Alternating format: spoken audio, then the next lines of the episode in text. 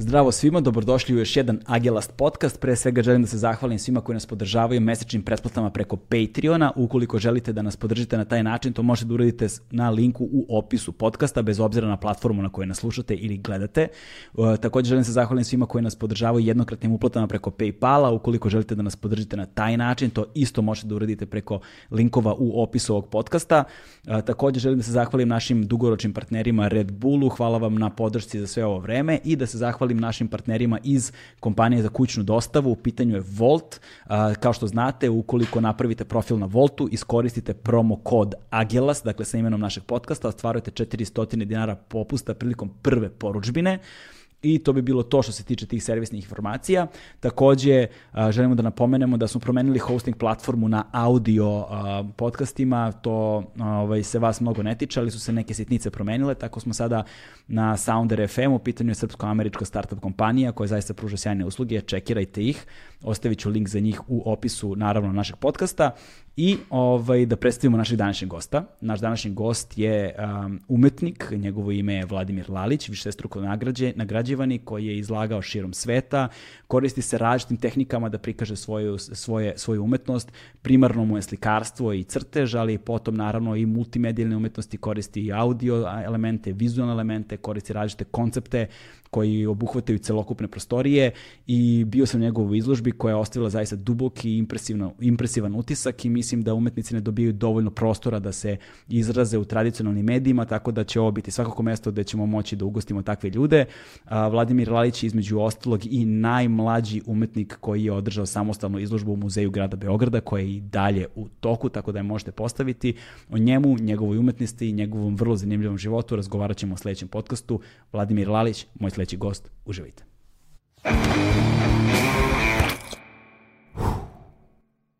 Hmm.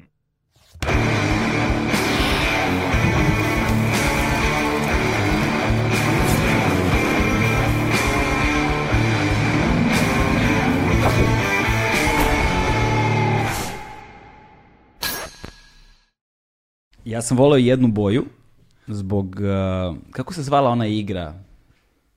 um, došao Čika Paja, Aha, doneo jaja. Doneo jaja, znaš, ko, koje boje i onda, i onda neko pogađa, je li tako? Da. I onda ako pogodi tvoju boju, da li te juri ili šta radi? Nešto se desi. Nešto se desi, da. Nešto da. se desi. On sam ja bio u fazonu kao da se ništa ne desi, da mene zapravo niko ne pogodi i onda sam ja otkrio boju oker, razumeš? I onda sam koristio to tipa u vrtiću kao da, znaš, ko je, kao jaja, koje boje i ja kažem, ja kažem, ne, ja ne kažem ništa, nego kao plava, crvena, žuta, zelena, znaš, ja ništa, kao nije, nije, nije. I onda odustanu, ljudi vremenom su prestali da se igraju sa mnom, tako da, to je otprilike ono sumiranje mog detinjstva u jednoj fori. Još da si saznao nešto, da tirkiz, ciklama, znaš, tako nešto, da nikad niko ne može da pogodi. Ne, ovo mi je Keva rekla oker Aha. i kao to je ostalo. Znaš, tirkiz. Koja je tirkizna boja? Pa to ti je ovo što ti piše otprilike. To, taj, ta A ona kad ne znaš da li je plava ili zelena? Pa to ti to. A to je to. Da, šta, samo ovo malo više otišlo na zeleno, čini mi se. A šta je rezedo? Zar nije rezedo ta koja je između plave i zelene? Možda i jeste. a? A, da. tir, a tirkizna... Sad sam zbunjen, ne znam koja je tirkizna, koja je rezedo. A ciklama, to je kao cvekla nešto, a? A, to je nešto crvenkasto. Da. da ali ni, ja nisam, znaš, ono, siguran koji su tačno ti nazivi. Za jednog slikara? A. Jel znaš sve ono kako se prave boje? Uh, U smislu hemijski ili pa kao ne, mešanjem? Nego mešanjem, kao no, da dobiješ to tačno. Zna. da, to dobiješ tačno, kao uh, žuta i plava dobijaju zelenu i te da, da, da, da, pa, a neke kompleksnije. To bih, to, bih, to bih ja mislim baš morao da znam ako da, se da. bavim ovim poslom. Između ostalog, da. Kao ne znam kako se zove, ali znam kako da je dobijem. Da, da, da, to je najbitnije. Ove, ja ovde držim uh, uh, tvoj, šta je ovo? Pa katalog. Katalog, tako. Za izložbu koja je trenutno postavljena u muzeju grada Beograda. Mm -hmm. Tako da... Ovaj, e sada, e, imaš tu još jedan isti ovakav katalog, koji zapravo nije isti. Nije isti, to je u stvari sa prošle ovaj, izložbe u Novom Sadu u Svilari. Tako da, ovaj mi je nešto malo lošije oštampan. Aha. Drugi su radovi, ovde je dopunjenija, da kažem, ovaj, uh, varijanta. Ovde su jedna ovde poslednja onaj... serija, a ovde ima i starih serija i novih radova i nekih uh, instalacija koje sam trenutno ovaj, postavio u ovoj muzeju. Samo ovo je mnogo bolje oštampan od ovoga, ali uskoro će da mi stigne i bolje oštampan ovaj prošireni, pa ću da ti pošalju. Da, ovaj je onaj neki kunzdruk sjajni, Uh, Tako je. 250 gramski. Dobar si. Dobar. e, štampao sam flajere, ovaj, jedno vreme sam to radio tamo e, početak 2000-ih, znaš, smo, smo se bavili tim stvarima, da. štampali smo. Noćno da... mora, brate, noćno pa mora. Znači, ono, mm. ja sam kao ono, slikar, ali celog života sam ono bio primoran da radim svoje kataloge, sve ove dizajne sam ja radio, znaš, ono, kao sve flajere, plakate za bendove i tako dalje, tako da, mislim, ok, ja sam završio fakultet primjenih umetnosti, ali taj dizajn i ta priprema za štampu i sve ostalo, znači stalno me ono smara, ali nekako uvek ispadne da, da, da ne mogu dovoljno da verujem nekome drugom da ispadne zaista onako kako treba. Je li moguće da kod nas nema niko kome možeš dovoljno da veruješ ili je to tvoj problem? Moguće da je moj problem, najverovatnije. Ima gde se to leči, znaš. ovaj, u ovom katalogu na, um, na kraju stoji jedna pesma koju je napisao Danilo Lučić. Što nam kažeš ti nešto o Danilo Lučiću? Pa Danilo Lučić je sjajan jedan naš ovaj, pesnik koji je dobio, mislim, ovaj, Brankovu nagradu i ovaj, mi se znamo kao družimo se, ovaj, ne toliko i što je najgore, ja pre pisanja ove njegove pesme, uh, ja u stvari nisam ništa od njega pročitao, moram da priznam. On je, ovaj, I on je dolazio kod mene u atelje i krenuli smo ono da pričamo o moje umetnosti, uopšte o stvaranju i tako dalje. Toko mi se svidelo način na koji on to sve kapira, da sad pred izložbu sam rekao, matori, ako tebi je interesantno je nešto zajedno da uradimo. Znaš, ono kao da napišeš nešto u vezi mog stvaralaštva i da nekako to implementiramo u, u ovu izložbu. I on je prihvatio i napisao ovu pesmu koja je meni baš cool, znaš, i super mi je, zato što kad sam je pročitao, u stvari, dobio sam neki ono osjećaj u stomaku, mm. znaš, neš, nešto je tu kvrcnulo. A to zvuči dosta e, slično kad ljudi opisuju moje radove kao šta, šta sam osetio kad sam video. Znaš, mm. Pošto ja mislim da je to ta neka umetnost u stvari stomak koje osetiš nekako kao neku ne, nešto da ti se desi on unutra. Tako da mi je zanimljivo da je on rečima u stvari uspeo da nekako proizvede nešto što ja proizvedem uh, likovnim elementima kad sam bio kod tebe na izložbi, ovaj, u muzeju grada Beograda, da pomenemo samo, o, i još jedna stvar u vezi time, ti si, je li to istina, ti si najmlađi slikar koji je izlagao u, u muzeju grada Beograda? Samostalno, koji je samostalno. izlagao samostalno, da je ceo prostor ispunio samo svojim radovima, da. Dakle, naj, ko, ko, ko, ko je bio najmlađi pre tebe? Nemam pojma. Nemam pojma, da. ali to su mi samo rekli, iako u zonu strava da sa 37 i dalje možeš da budeš najmlađi u nečemu. da, da, između ostalog. Pa pazi, umetnosti, ili barem kada se čovjek ozbiljno bavi umetnošću, ona, ona obično budu... Um, daju, daju pravi plodu negde u trećem životnom dobu, znaš. I mm. onda, i onda svaka prava umetnost je zapravo umetnost Jest. treće, trećeg životnog doba, Jest. znaš. Kad ti sabereš nekakav, nekakve iskustva, nekakvo, nekak, nekakve korpuse znanja, mm. veština, kada to sve dođe do nekog ono, ne finalnog svog oblika, ali u nužnosti kratkoće života do nekog svog finalnog oblika i onda zapravo svoje najbolje daješ Treba to da se krčka, da. Treba to da se krčka dosta dugo, da. Bez obzira na talenat i bez obzira na sve ostalo, Tako ipak, je. ipak treba. Mm. I onda ću ja da pročitam ovu pesmu, zato što je možda najbolji prikaz uh, tvog rada, s obzirom na to da mi, smo mi ovde u podcastu, a se ti baviš primarno vizualnim umetnostima, ali se baviš ti još mnogo čime, pričat ćemo o svemu tome. Ovaj, I pesničke slike koje su date u, ovom, u ovoj pesmi dosta dobro ilustruju zapravo ono, mm -hmm. ono što sam video kada sam bio kod tebe na izložbi. Dakle, naziv pesme je Čovek bez kore, da pomenem još jednom, autor je Danilo Lučić. Sloj nula, koreni organa, slojevi tkiva od krvi i latica, pigmenti stvarnosti, rumen raka, krila od hrskavica, rog od žarulja, mišić ukočen od istine. Zatim, aritmetika bića, meki smo i kvarljivi raskošnih propasti usta premalih za smeh onda uvidiš da svlak je blagodat, gorak trag košmara iz kojeg smo izrasli, recimo, vučica starica i car hidrocefalus. Usledi, oprost, usledi uprostoravanje sećanja na smrt, golotinja duše ozvučena politikom bola, sličnost defekta i sakralnog. Sloj 1. negativni ekvator. U telu plešu jauci, a kada mu lažno laskaš, ono ti opali tešku, debelu šamarčinu. Kakvu zaslužuješ. Jer čak i kožu kad zguliš s lica, ispod je lobanja, kost koja se smeje. Butt plug. Nije bolest, već deo tela. Tela srećnog čoveka bez kore u kojem se sve slobode talože do kraja protiv barijera. Groteska nije uvreda i pokuda, nije masa nož koji ispituje od čega smo. Već je ona sve ono što čovek može biti, sve ono što nas čini motivom na platnu. Nema centra, balansa, fokusa, stabilnosti. Ništa nam nije dato što bi nam pomoglo ni stepenice, ima u izobilju bolesti i samostrpljenja pred armadama muva koje zunzare kazenici. Sloj 2. Teologija haosa. Kristali stvarnosti se trune, a ispod ili sa druge strane samo su crnolinijske senke tetovirane u meku koru korteksa, pulsirajući mladi ožiljci. Na ljutu ranu ni lek, ni so, već se utrlja grafit, da se rana rascveta i zamiriše na slike, koje o nama cvile da izađu van. Stanemo li goli pred svet, tu su mladeži Akne i Salo, plavi odrezani utovi straha, i dalje smo prilike bogova, koji su nas rodili po svom sećanju, a sećanje je varljivo.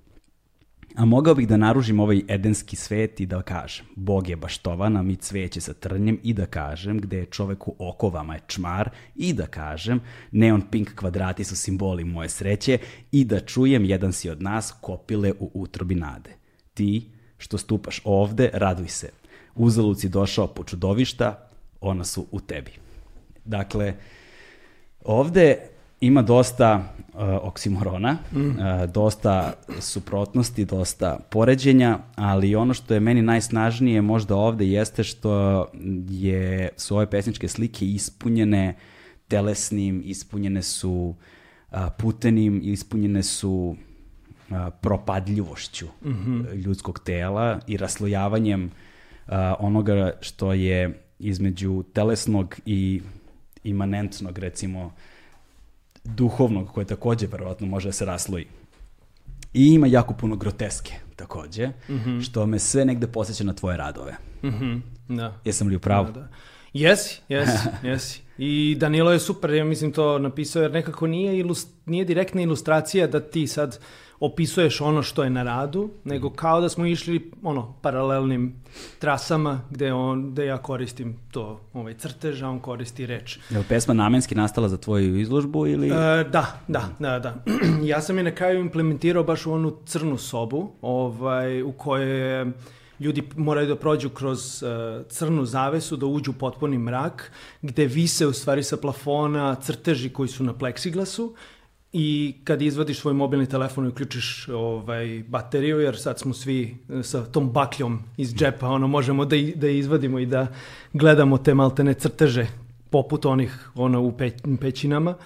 I onda kada osvetliš u stvari te crteže, oni projektuju velike ovaj, e, projekcije samih tih crteža i prave neki teatar senki. Tako da jedan od radova uh, je u stvari is, moj ispis njegovih, njegove ove pesme koja je nekako napravljena tako da izgleda kao, i, kao knjiga koja se otvara. Mm -hmm. uh, lica koje sam video, a koja su brojna na tvojim izložbama, dosta podsjećaju na tebe. Da. Znaš šta, ja baš kad sam bio ovaj, u Parizu i kada sam tu ovaj, uh, bio na nekoj toj nominaciji za, za tu neku nagradu, imali tu izložbu i tu je Pat Andrea, jedan sjajan ono, ovaj, francuski ono, umetnik, naš onako došao i gleda moje radove kao a ovo si sve ti, a? Znaš, onako kao zeza. I kao, mislim da je to sve neka vrsta emotivnog autoportreta. Mm -hmm. Znaš, iako neki kao liče, neki kao ne liče, neki su potpuno unakaženi, ali ja mislim da su to neka vrsta uh, emocionalnih stanja koje ja moram da uh, prikažem na taj način i uvek kroz prizmu sebe kao ove umetnika.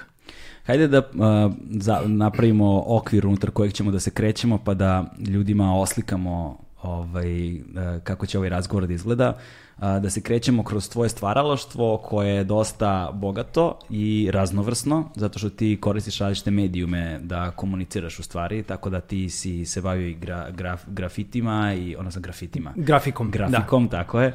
grafikom i kolažom i ovaj, a, slikarstvom i kombinovao si različite materijale, pa je to bilo slikanje na pleksiglaslu, pa si onda imao više dimenzionalne stvari, ali onda si tu ubacio potom i audio-vizualne delove, tako da su to postale instalacije više nego što su zapravo slikar, slik, klasična slikarska dela, mm -hmm. tako da tu sad ima i zvuka i slike i ovaj, i jednog celokupnog ono, audio-vizualnog doživljaja i iskustva. A, ono što bih preporučio svima ukoliko budu više da gledaju tvoju izložbu da idu sami, zato što postoje neki segmenti koji mogu da se doživi isključivo tako, pošto kad ulaziš u mračnu sobu, kad ulaziš ono koji je ispunjen određenim zvukom i određenim svetlom i određenim ambijentom, ovaj, kao što je na primjer ispovedaonica i tako to, mm -hmm. mislim da je neophodno da ljudi budu sami da bi zaista mogli da dožive bilo čije tuđe prisustvo negde Uh, uh, razbija taj efekat. Mm -hmm. Zato što si, postoji svest tuđeg prisustva ko opet proizvodi neke zvuke ukoliko je tu. Ovaj, I pored toga si i muzičar, mm -hmm. tako, i operski pevač. Da. I, vrate, šta si još?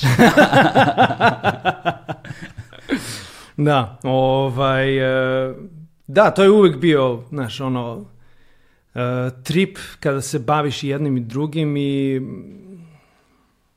Jedno iskreno vreme sam stvarno mislio da to te sakati, znaš, ono, kao da si stalno raspolućen to na pola, znaš, mm. stalno, ovaj, ne znaš ko si, ne znaš šta si, znaš, i, ovaj, a najviše te zbune, ovaj, upravo novinari koji postavi isto pitanje, tako direktno kao ti, šta si ti, znaš, i kao sad je ono, kao sad i varijanta, kao šta sam ja, sam ja čovek, jel sam, ali uh, mislim da je kao nekako, ovaj, da je sad to dosta leglo na svoje. Nije kao da pre nisam znao, ali sad sa ovim baš novim instalacijama gde direktno implementiram svoje, svoj glas u tim, tim, tim instalacijama, mislim da je ovaj to onako došlo da nemam više uopšte trip. Čudni da. su ljudi, znaš, ono, kao vole da etiketiraju, razumeš, i kao da stave, a meni je u stvari možda najbolje ono, ono, tu citat od Paul Clea, znaš, kao, becoming is superior than being, kao, postajati je superiornije nego biti. Jer, znaš, kao, dok postaješ, ti se trudiš da, da, da, da iscediš nekako sve iz sebe, da, da, da jednostavno nastaneš, a ovaj, kada jesi, onda samo si tu na vrhu i kao, znaš ko si, šta si i to je to. Znaš, ne mora da, nužno da znači da si na vrhu. Ne mora da znači, da, da. ne mora da znači da si na vrhu, ali znači da si nekako mak, makar ušuškan sa tim. A verujem da moja umetnost baš dolazi iz tog trenutka neušuškanosti i trenutka u stvari tenzije. Znaš, kao u kom, u kom trenutku se dešava tenzija u tvom životu, gledajući u šta saznaj, kada hoćeš da saznaš šta, tako da ta tenzičnost je dosta meni bitna. Mm -hmm. tako da... Uh, Da, da, bavio sam se i tom operom i imao sam stalno ovaj band i ne znam kako da krenem u celu ovu priču, valjda od početka. Pa, da, krenut, pa da, mislim, jedini, jedini način da ljudi razumeju to negde ono linearno, hronološki da idemo, pa mm. kako se stvari razvijaju, prosto ima veze sa time da li postaješ ili jesi, znaš. Opet mislim da je to negde s jedne strane i odnos sazrevanja i u procesu sazrevanja postoji određen stepen nesigurnosti, Ovaj, I onda kad ti postaje pitanje mogu da te izmeste zato što nisi siguran u sebe, znaš. Ovaj, a kada si sazreo i kada si siguran u sebe i u ono što radiš i ono što znaš, onda takva pitanja ne mogu da te pomere, mm. niti, niti da ti smetiju na bilo koji način, mm. samo se deflektuju. Ovaj, a s druge... Ali to je čudno, izvini, znaš, kao, a teljet je kao ono, znaš, kao ta, ta, ta, ta dečija soba, znaš, kao gde, znaš, roditelj kuca, šta radiš tamo kao fazonu? Ništa, znaš, a ti stvarno ništa ni ne radiš, kao možda se nešto igraš sa nekim, ili samo bivaš to što jesi, ali tak pita, to je otprilike to pitanje. To nije nesigurnost da ja nisam siguran šta sam u tom trenutku, ja sam veoma siguran, samo me izmesti iz mog sveta. -hmm. Znaš, kao, jer sad ja od jedan puta trebam nekome da se pravdam, kao, uh, kao, pa ja sam u stvari pevam, pa u stvari crtam, znaš, i, da. kao, sad delo je kao da radiš nešto što je ovaj, pogrešno, a u stvari nije. A u toj igri, koja je uvek igra, znaš, i kao, to je Mihajlo Pantić baš i rekao, kao, kao, ma koliko da je Lalićeva igra e, brutalna i e, dekonstruišića i tako dalje, i dalje je igra, a svaka igra iskupljuje. Znaš, da. I to mi je ovaj, zanimljivo, zato što uh, ta igra koju ja igram je slična kao ona, znaš, kao, kao deca kada uzmu i čupaju krila leptira ili kao nogicu ovaj, nekog insekta. oni hoće da pro, pro, provale u stvari šta je trošnost. Znaš, gde je početak organizma, gde je kraj organizma, šta je život, znaš, ono, neko čeka mrava taman da uđe u kućicu i onda kao ubije ga tu, znaš, ono, kad, baš kad sam na vođenjima i pričao, neka ovaj, devojka kao ono, jo, ja sam katapultirala kao ove puževe, znaš, ono, znaš, ja kao ono, okej, ali, na, nažalost, ma koliko da to brutalno zvuči, znaš, naravno sad, ovaj, eh, mi kao ljudi i kao životinje imamo tu želju jednostavno da, da, da vidimo odakle dolazimo baš od nekih manje moćnih organizama sa kojima, kojima možemo da, is, da istražimo i kontrolu.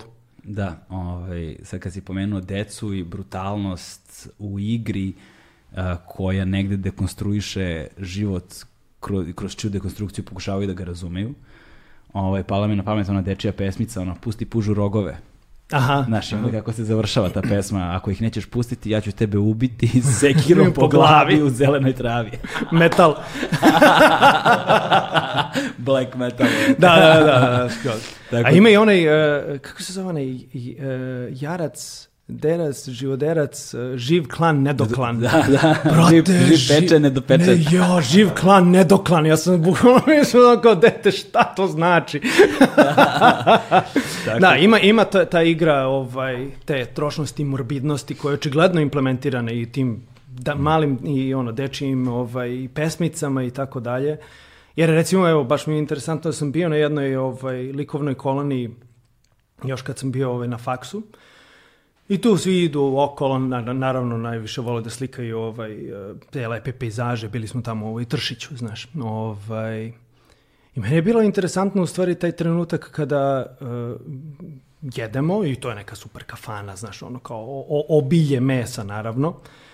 I kako prođe to malo jagnje pored tebe i čuješ ga malte nekako kolju i znaš da će ti to biti ručak, znaš. I ja sam u stvari ovaj, uzeo i crtao baš tu lešinu na ražnju i svakog dana novu, znaš, i ono, imao sam neku hrpu tih ono kao crteža, koje sam na kraju uzeo i neka stara vrata sam našao i naslikao u stvari sada ne u ono horizontalnom, nego kao vertikalnom, gde je kao na nekom ovaj, nekoj velikoj kao šipci u stvari da stoji ta, ta lešina. Znaš, i kao sve beograđanke koje su tu bile i kao sve, o, fuj, kao katastrofa, zašto si to uradio, zašto to slikaš.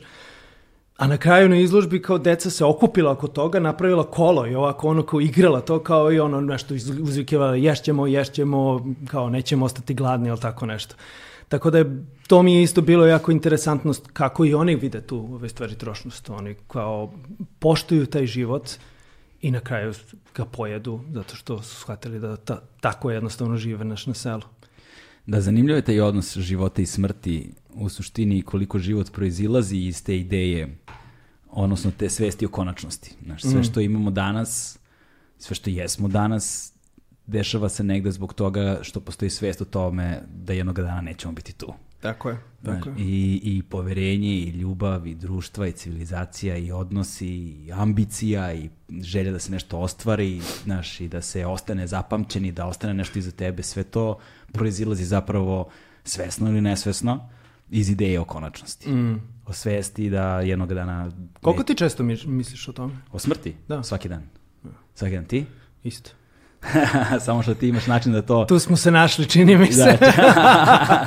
ne, znaš šta je fora? Fora je kod mene u stvari bilo da sam, ja, ja se baš sećam tih, um, tog osjećaja, znaš, kao, mislim da sam imao kao već četiri godine ili kao pet godina, što je, čini mi se dosta mlado, razmišljam o tome. Ja sam bio ubeđen da ne postoji pakao, ne postoji raj, znaš, da ne postoji taj zagrobni život, da postoji stvari to ništavilo.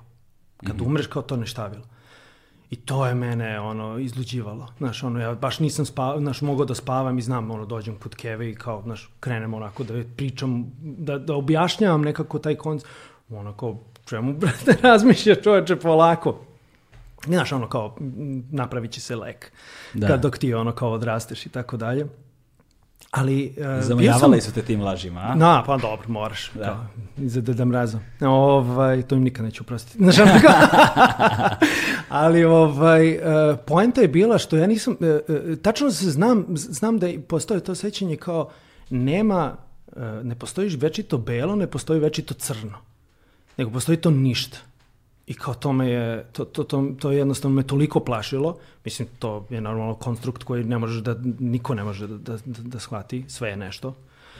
Tako da, m, to se nekako povezalo isto sa padanjem e, mraka, to jest ono kao taj trenutak prelaza iz dana u noć. Mm -hmm. I dan danas, sem kada nisam baš u frci, a to što sam u frci je, kao što si, nešto si mi već dao neku dijagnozu, ovaj, da treba da se leči, ovaj, je naj, najverovatnije baš ta refleksija u stvari ono, te, te nemoći, to, znaš, kao tog trenutka naš umiranje dana i kao rađenje noći, baš sam onako nekako ovaj, i, i dan danas, kažem, želim da sam što više u cvrci, najverovatnije da bi što ovaj, manje bio slobodan da osetim ovaj, to. Znaš, to što ovaj, je možda dobra stvar, možda loša stvar, ali kao što si rekao, ja im, izgleda imam način na koji sam naviko da to sve ovaj, kanališem i da izbacujem taj strah, ali strah od smrti je uh, Ja mislim i dobra stvar, mm. znaš, zato što je upravo to, ti kada znaš da ti je ostalo još neko vreme, a ja stalno imam osjećaj da nisam dovoljno uradio, da treba još nešto da se uradi, da treba,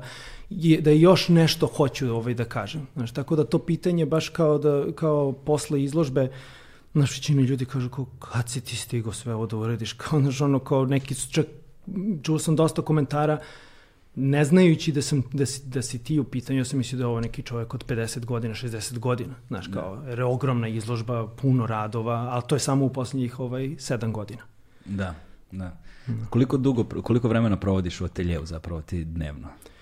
Što više mogu, znači u suštini, ono, ceo dan ceo dan. Svaki ono, dan? Sve, ce, ceo dan, svaki dan, da. Pre je bio atelje u mom, moje gajbi, što ti je poznato ovaj, sa tvojim podcastom kada da. ono radiš tu gde ovaj, živiš. A, što je bilo cool, znaš, dođe još neka vrsta intime u svemu tome. Znaš, kao ti ljudi, te, s kojim se viđaš, dođu na platna, ali ne znaš kada završiš. To je najveći problem. Ja, ono, opereš zube u pidžami si, uđeš u tu drugu prostoriju, znaš, i su zonaci, u, ček, samo još malo ovo nešto da, da nacrtam, znaš. Da, da. Tako da, sad mi je drago, imam baš lepo ovaj atelje koji sad iznajmljujem ovaj, na Košutnjaku i, ovaj, uh, i to je to, ono, ustanem, doručkujem, odem tamo i tamo sam sve dok me nešto drugo ne prekine. To, da. to mi je otprilike. Da li moram da odem na neko otvaranje, da li s nekim da se vidim, ono kao uveče, ali generalno volim tamo i čest, često kad krenem da radim, to je bukvalno ono od 9 pa do 9 ili 10 uveče. I jedva da nađem vremena da ono pojedem nešto. Dakle, manjka radnih navika i voljnih momenta ovaj, nemaš. Kao to je... Da, kao da sam, uh, ajde da se vratimo kao malo unazad, um, nisam to imao, znaš, baš nisam imao te radne navike kad sam bio osnovna škola. A, ja sam kao sva deca crtaju, samo je problem što svi prestanemo da crtamo. Da, da, da. I ja sam samo nastavio na crtam. Ali moj burazer je ovaj pokazivao isto strava ovaj neke ovaj crteže. I ja sam voleo mnogo da crtam i dosta sam, čini mi se, eksperimentisao. Mislim da je to bilo ono drugačije. Znači, ne ono kao, uf, on je toliko mm, detaljan, sjajnu perspektivu i tako dalje, ono što uh, se obično govori za talente, da. za mlade talente. Ja sam imao to, sećam se ono kao crtao sam neki uh, rad, bila je tema rat. Znaš, I sad je čak, znaš ono kad ti govore kao sunce se crta ovako, ovako, e ovi su imali kapice, ovi nisu imali kapice, ovi pucaju odavde, ovi pucaju odavde. Znaš ono kao to je problematika što ti nametnu kako se nešto crta. A ja sam nekako taj rat nacrtao tako da im sam bilo, bilo gomile tih nekih ono, ovaj, figura i onda sam preko njih krenuo crvenom, dobro, ovo je ubijen, ovo je ubijen, ovo je ubio, ovo, ovo je ubio, na kraju ceo rat bio crveno-crna, ono kao zagušena neka ovaj, neki sloj koji je bio u stvari ispod ispod toga je bio kao sloj tih normalnih vojnika koji, koga je, -hmm. preko kojih je prešlo u stvari to. Naravno dobio sam najlošiju ocenu jer jednostavno tu se ništa ne vidi. Znaš, da, ono. da. I neki radovi koji su si uništeni koliko sam ja hteo tih boja da stavim vodenih pa sam papir nije ono kao izdržao. Tako da ovaj, uh, poenta ovoga, mislim što si pomenuo šta je talenat i kao uopšte da, da li je neko talentovan, to je baš i relativna stvar, znaš, zato što um, meni je moja ta baš učiteljica, treći, četvrti ovaj razred, pozvala moje roditelje i rekla kao vlada ima, ovaj, on nije dobar u matematici, njemu prirode društva ne ide, a tek za muzičku i za likovno koliko je netalentovan, to je strašno. da, tako da je ovaj, uh, tako da mi, uh, mislim da je tu u ovom poslu mnogo bitno u stvari da si i tvrdoglav. Znaš, ja ne mogu da se setim trenutka da sam ja rekao, e sad ću ja njoj, znaš, kao da pokažem sve ostalo, ali postoji taj neki moment, ali ja osjećam da je ovo meni dobro, znaš, da, da je ovo okej, okay, znaš, i onda to je, to je taj jednostavno ono malo ovaj, čudan put. Uh, I posle kad sam se spremao za dizajnersku, ja nisam nimao pojma, ja sam bukvalno pitao Kevu kao, je li ima neka škola gde mogu da crtam, on kaže ima dizajnersku, ako mogu to da opisujem, može. Znaš, oni su elektroinženjeri, znaš, da. oni su potpuno ono, ta druga ono, strana, nisu mogli nikako drugačije da im pomognu, osim to što su upravo uradili. Ali su ti podrška. dozvoljavali. Podrška. Podrška su bili, da. da. To, je, to je sjajna stvar, znaš, to je možda i, i najbolja stvar, jer da si otac nekog slikara i tako dalje, tu si uvek u nekoj senci, mada imaš tu neke beneficije, naravno, kao tog porodičnog ovaj, posla i poznanstva i prezimena i tako dalje. A ovaj, e, moji su potpuno u drugoj, ne mogu da se uh, mešaju i da hoće, jer, znaš, ok, čujem od Kijeve s vremena vremena, može malo cveće neko ili neki ćup ili nešto tako da bude malo neka lepša ovaj, kao stvar, ali ne, to je, to je bila ona strava podrška što se toga tiče i ja sam tu bio uh, na svome i kad sam upisao dizajnersku, znaš, kad sam se spremao, bio sam tu negde drugi ili treći ono na listi i to je bilo ono kao super. Stalno sam slikao, stalno sam crtao ono kao gajbi i posle kad sam upisao. E, ali samo što je dizajnerska iskreno meni malo ubila. Ovaj, mnogo je tu bilo baš tog dizajna. Nažalost, tada nije bilo... Sad ima ovaj neki ocek za mm, likovne tehničare, likovne, likovnjake uglavnom, pošto sam ja uvek bio taj likovnjak, da, da. koji je stalno i u dizajnerskoj išao i u primenjenu i stalno sam imao taj dodir sa primenjenom mm. umetnošću, što su motorci bili spodano, super, ako ne uspe ovde da ono, se bavi nečim ono primenjenim. Tako da, ovaj, uh, dizajnerska me iskreno malo ovaj, ubila u tom smislu, da sam prestao da crtam. I ima baš ta, ta varijanta kad sam promenio prof, tada profesora ovaj, u dizajnerskoj iz treće na četvrtu, uh, ja nisam dobro crtao. Znaš, mhm. jednostavno iz, izgubilo se to. Znaš, ono, to, to što pričamo o talentu, znaš, nije to ti stalno imaš i kao uvek imaš to u, u rukama. I čak je imao ta priča da bila jedna Iva koja je sjajno ovaj, kao crtala i ja kad, kad sam promenio i došao e, kod tog drugog profesora u isto vreme krenuo u pripreme na faks, toliko sam brzo napredovao da je ona došla samo do mog grada jednom ovako pogledala i došla do te Ive kao rekla, slušaj Iva, nemoj više da ti se ovo desilo ikada. I kao šta? A ona je istripovala da je stvari Iva crtala po mom radu. Znači, toliko je bila brza da kažem da od nekoga ko je kao onako o, mlitavo, da kažemo, kao crtao, od jedan puta uradio je kao jedan sjajan crtaš koji ona čak okačila kao primer. Znaš, mm. Tako da, ovaj, to su te ono, oscilacije i crtež jeste neka vrsta zanata i discipline ovaj, koja je mene krenula i sve više da zanima. I kad sam upisao u stvari faks, a, baš se sećam trenutka kao, znaš, ono, svi smo cirkali, znaš, ono, zezali se i tako dalje, znaš, i, i sećam se trenutka kada sam baš radio na nekoj grafici i zato što sam popio dva, tri piva, ono, kao pre toga, jer zezanje, jer smo, ono, kao umetnički fakultet i tako dalje, sam pogrešio, to jest nisam uradio ono što sam, što sam hteo. Ja od rada nikada nisam pio kada radim. I do dan danas to se nikada ne dešava. Znači nema šanse. Znači ako se cirka, cirka se uveče kada se ono izađe i kao to je to. I od jedan puta kre, kreće ta neka moja želja za disciplinom, što je grafika. Mm -hmm. Znaš, grafika je zanat sa velikim Z. Jer ti uh, ne možeš da, uh, ti, znaš, kao, i slikanje i crte što možeš da uzmeš pa izbrišeš, uh, malo je mobilnije. Znaš, kao grafika ti je alhemija. Znaš, kao ti imaš taj trenutak da to trebaš da staviš taj kalafonijum, jako sitan, da zapečeš to, pa stavljaš u kiselinu, pa gledaš šta će da prođe, šta neće da prođe, znači to su, to moraš dobro da zaslužiš ono, šta želiš da uradiš u likovnosti, dobro moraš da zaslužiš e, i da zaslužiš uopšte i tu slučajnost. I nekako paralelno sa tim, pošto sam inače i pevao, uh, uh, se desi ta čudna situacija da neka ortakinja je rekla kao čula me na žurci kako urlam, kako se nešto dernjam i pevam. Kaže kao ti, ti imaš ono, prirodnu postavku glasa, ajde sa mnom sutra ovaj, u školu da te čuje ova profesorka. Ja tu otpevo neki, neku metal pesmu, ali na operski način. Ono kako ga ja tripujem, da je opera. neki, neki, neki ne. Nightwish, vrate. Nije Nightwish bio, bio neki Manowar još gore. A, meno, Jer znaš kako su oni, ono, da, kao pazi. svi epični, ono Da, da. i ovaj... Ovaj, epic metal, Epic ne, pazi, metal, da, da. Manowar sam nešto i slušao, Nightwish nisam nikad mogao, zaista, ono.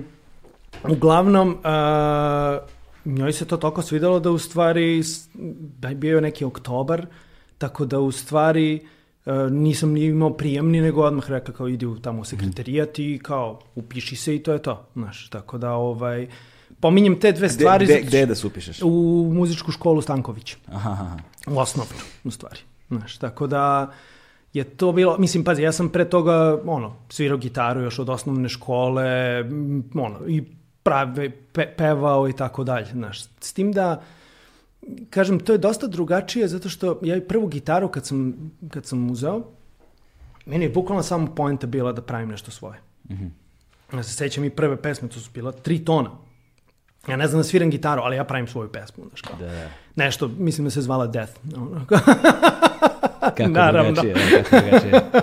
E, tako da ovaj e, tako da u ovom trenutku iako sam uvek pravio nekako znaš kao želeo da nekako stvaram Znaš, kao ta želja za operom i kao odjedan puta i grafika koje su po meni potpuno znaš, suprotne. Znaš, kao ti sad trebaš da budeš ono kao zdravog e, glasa i tako dalje, a veče pre toga si ono ko potapa u azotnu kiselinu, razumeš, kao sve to i udis, udiso sve one toksične ove materijale.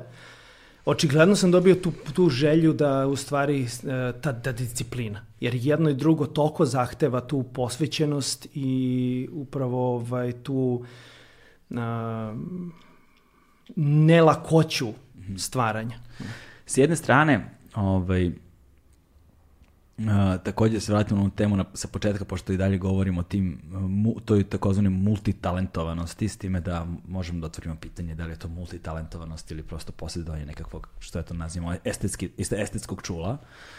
Ovaj, ali a, to je malo i pitanje društva i vremena u kojem živimo, znaš, kao nekog kapitalizma, pozno kapitalizma u kojem postoji ta ideja gde svi žele da ostvare uspeh i poštovanje, a uspeh i poštovanje se postižu ostvarenošću u nekoj oblasti, a da bi bio ostvaren u toj oblasti moraš da budeš konkurentan, a da bi bio konkurentan moraš da uložiš više truda i vremena od onog ko ti je konkurencija ili onih koji su ti konkurencija.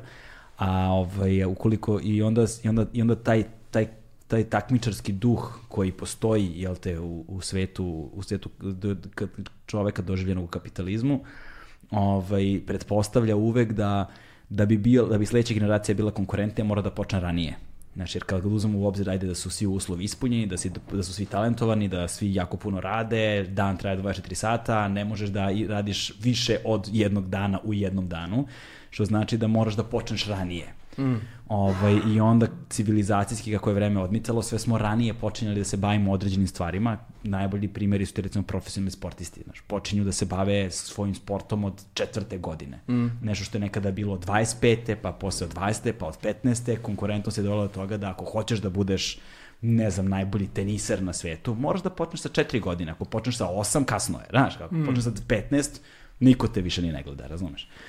I ovaj, ali onda se dešava druga stvar koja dovodi do onoga o čemu, što je poenta ove moje male priče, a to je da kada počneš rano i kada posvećuješ sve svoje vreme tome, ovaj, ostali aspekti čoveka atrofiraju.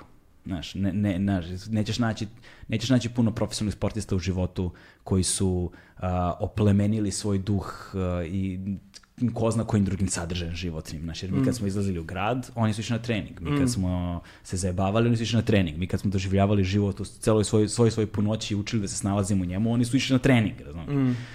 Ovaj, I onda je neobično sresti nekoga ko je, na primer, izuzetno ostvaren u jednoj oblasti, a odjednom se pokazuje da je izuzetno ostvaren u drugoj, i u trećoj, i u četvrtoj, i onda je ljudima neprirodno kada dođeš i kažeš ja sam slikar, i muzičar, i ne znam, operski pevač i ovo i ono i onda se prosto pita odakle ti bre vreme za sve to, ne možeš sve to da budeš. Ali u suštini to je ova tvoja priča o uh, postaja, postajanju. Znači, mm. tako da sve te stvari su negde e, sazrevale paralelno i onda su se sustekle u jednoj tački koja je sada pretvaranje svega ovoga što radiš u tu neku multimedijalnu, da kažemo, umetnost. Mm. Praktično, barem na osnovu onoga što sam vidio na tvojoj izložbi. Posebno što kada se posmata tvoja izložba, ona ide opet nekako hronološki. Znači, počinje hronološki, počinje da. Počinje hronološki. Grafika, kad se uđe u prvu prostoriju, upravo je ova priča o grafikama. Znači, mm -hmm. da bi, možda bi to mogla da bude dobra linija. Da se krećemo kroz izložbu, aha, kao kroz aha. hronologiju i da onda, da. Pom, da onda govorimo zapravo... E, da, s tim da ovaj, ne počinje sa grafikama, grafike nisam izložio. Znači, ceo da. taj segment u stvari ovaj, do 2000 12. jer kažem bavio sam se grafikom u onom smislu da sam i to studirao i završio i fakultet primjenih umetnosti i likovne posle ovaj specijalističke baš grafiku i radio kao prvostručni saradnik posle kao asistent na fakultetu primjenjenih znači potpuno sam se ono kao bavio samo ono kao grafikom mislim samo grafikom u smislu i crtežom što je ono ne, meni uvek baza i baza same Da, crtež sam ja i mislio u stvari. Da, na ovaj, ono što, što ti mislio su uh, crteži ugljom i grafitom. Da, da, da, ovaj, kao crno-beli, koji u stvari nastaju posle tog. Jer ja napuštam taj fakultet jer nije, nije mi odgovarala trenutno ta ono atmosfera i jako je to bilo ovaj naš naporno 54 studenta, da paziš da ne se neko ne izbode sebi oko, upadne u kiselinu, razumeš i tako dalje. Znaš, dosta je to ono kao delikatan ovaj posao. U isto vreme spremam klince za ovaj fakultete, tako da sam se malo bacio stvari na tu, pe, pe, tu pedagogiju dosta ovaj rano, čini mi se.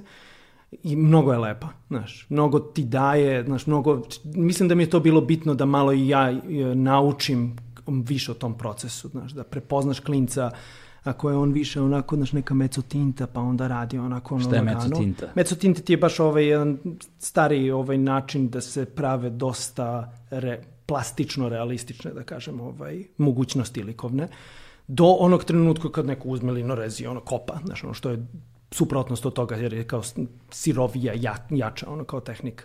Tako da to mi je bilo jako ovaj, korisno i mnogo sam naučio od tebe, ovaj, profesorke ovaj, Milice kod koje sam bio.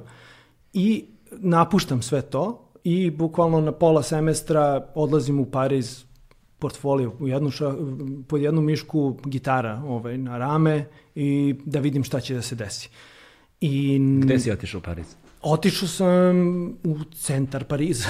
ne mislim kod koga, šta je si imao Nikod neku... koga, nikod koga. Iznajmio neki ono kao smeštaj i... Odatle ti lova, brate. pa znaš šta, nađe se ovaj, baš od toga. Da, da. Pripremna škola i malo na faksu i sve ostalo, to sam ono kao skupio kintu.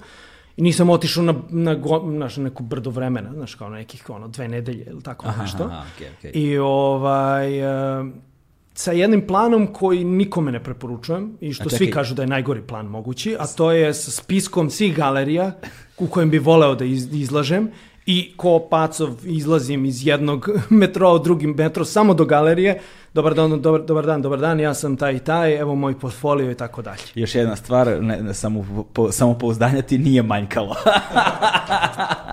Znaš šta, ono treba ti ovoliko debe obraz. Da, znaš. jel da? I uvek nastupa depresija, Priče, blaga pri, posle toga. Pričam mi o tim iskustvima, opiši mi zašto to nije bila dobra ideja. Pa, znaš šta je fora? Fora je u tome da Art World je toliko trenutno prezasićen.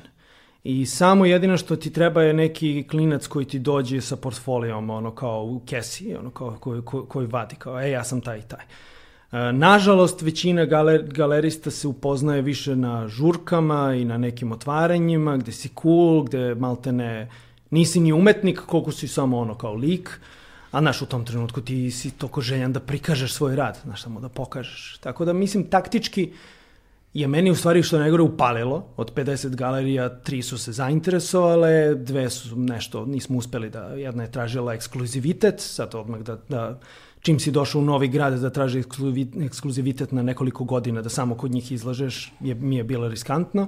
I našao neku galericu sa kojom smo ugovorili e, baš izložbu grafika te iste 2012. godine. Mm -hmm. Znaš, tako da je uspela ta moja ono, prodiranje kroz zid Jer znaš, kao, da, bio sam, imao sam samopouzdanje, ali to je više, više je ludost, znaš, neka. Da. Više ta, ta želja, znaš, da ti pokažeš, da ti probaš, da nešto uradiš, znaš, više nego bilo kakva druga logika. Znaš. Zašto baš Pariz?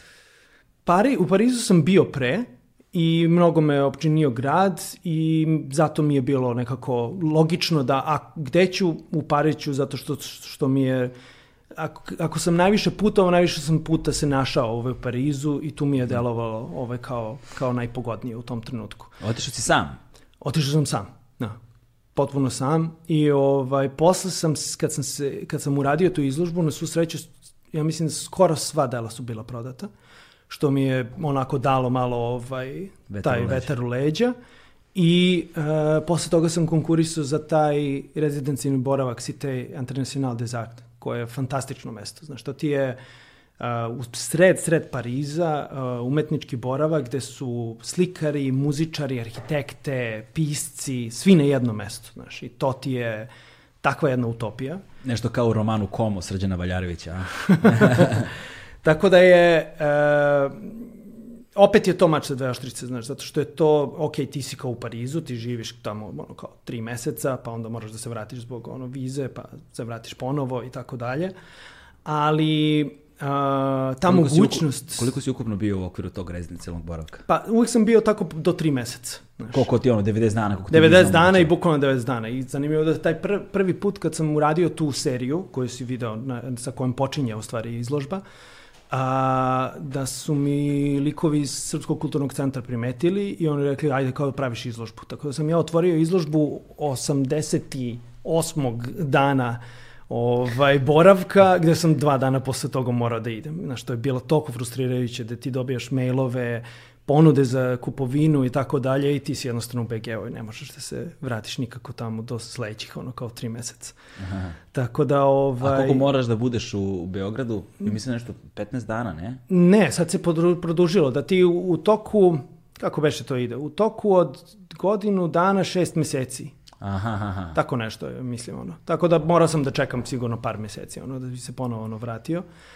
I ovaj, ali pre, pre, predivni trenuci, znaš. E, s tim da tu postoji taj problem jer sve je lepo. Svako ima da ispriča neku priču. Sa svim možeš nekako da nešto uradiš zajedno. Da, tu je vina, tu je sira, to je, znaš, kao sve to. Ali ja ne volim da bagatelišem malo tim stvarima, znaš, kao, ovaj, ja sam mnogo šljakao tamo. Mm -hmm. Znaš, kao ti imaš sve, umetne, sve muzeje otvorene, ti imaš sve te ljude, ali ne, ja sam i tamo od 9 do ono 5 šljakao i posle šta stignem da, ovaj, da vidim, onda vidim. Sad ne da. znam da je to ono kao greška ili ne, ali osjećao sam tu potrebu da je, posebna je atmosfera, znaš, kao da. tamo. I onda jednostavno želiš još više ovaj da radiš. Hajde sad da malo pomenemo te crteže koji su nastajali u tom periodu, od kojih su neki izloženi zapravo ovde u Muzeju grada Beograda. Um, ti crteži su u velikoj meri onako jedan groteskni prikaz, aj sad ću, groteskni anatomski prikaz čoveka, mm -hmm. ovaj, u kojem je baš naglašena ta propadljivost i ta anatomija e, jako i postoji jedno prisustvo pored tog raslojavanja telesnog i tog igranja sa ljudskom formom i šta bi moglo i ne bi moglo da bude, mm -hmm. ovaj, postoji u tom, tom, tom domenu propadljivosti svi ti poznati motivi, ono, muve su tu, ne znam, mm -hmm. i svašta nešto. Ovaj, hajde nam reci malo više o tim motivima i o tim idejama i o tome šta je ta zajednička nota svim tim uh, crtežima i šta je to što je zapravo privuklo francusku javnost, a potom i drugi ljude? Um, ti crteži, na, bave se tom trošnošću i u suštini tom idejom uh, Znaš šta je mene u stvari Parizu najviše inspiri, došlo kao inspiracija, mislim, ako može da se kaže inspiracija. E, taj muzej Diputan, koji je u stvari posle toga e, zatvoren, godinu dana posle toga, a, to je e, muzej e, medicine. Znaš, gde sam prvi put u stvari video u teglama one uzorke beba koji su rođene ponekad na ono, sa nekim devijacijama, spojene životinje, organi i tako dalje. I to me natrebalo nekako da razmišljam uopšte o tom čoveku u evolucionom skoku. znaš.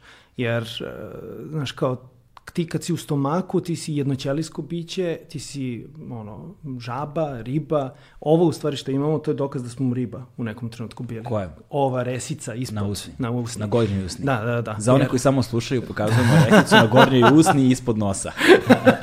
kao fusnota. Da. Ovaj, a, gde, a, zato što ta, ta, ta, ta, ta, ta je deformacija. Ima baš fotografija da se nađe u trenucima gde fetus u stvari pronalazi pravi put da dođe u stvari do, do, do forme a, fetusa čoveka gde će dalje da se razvija.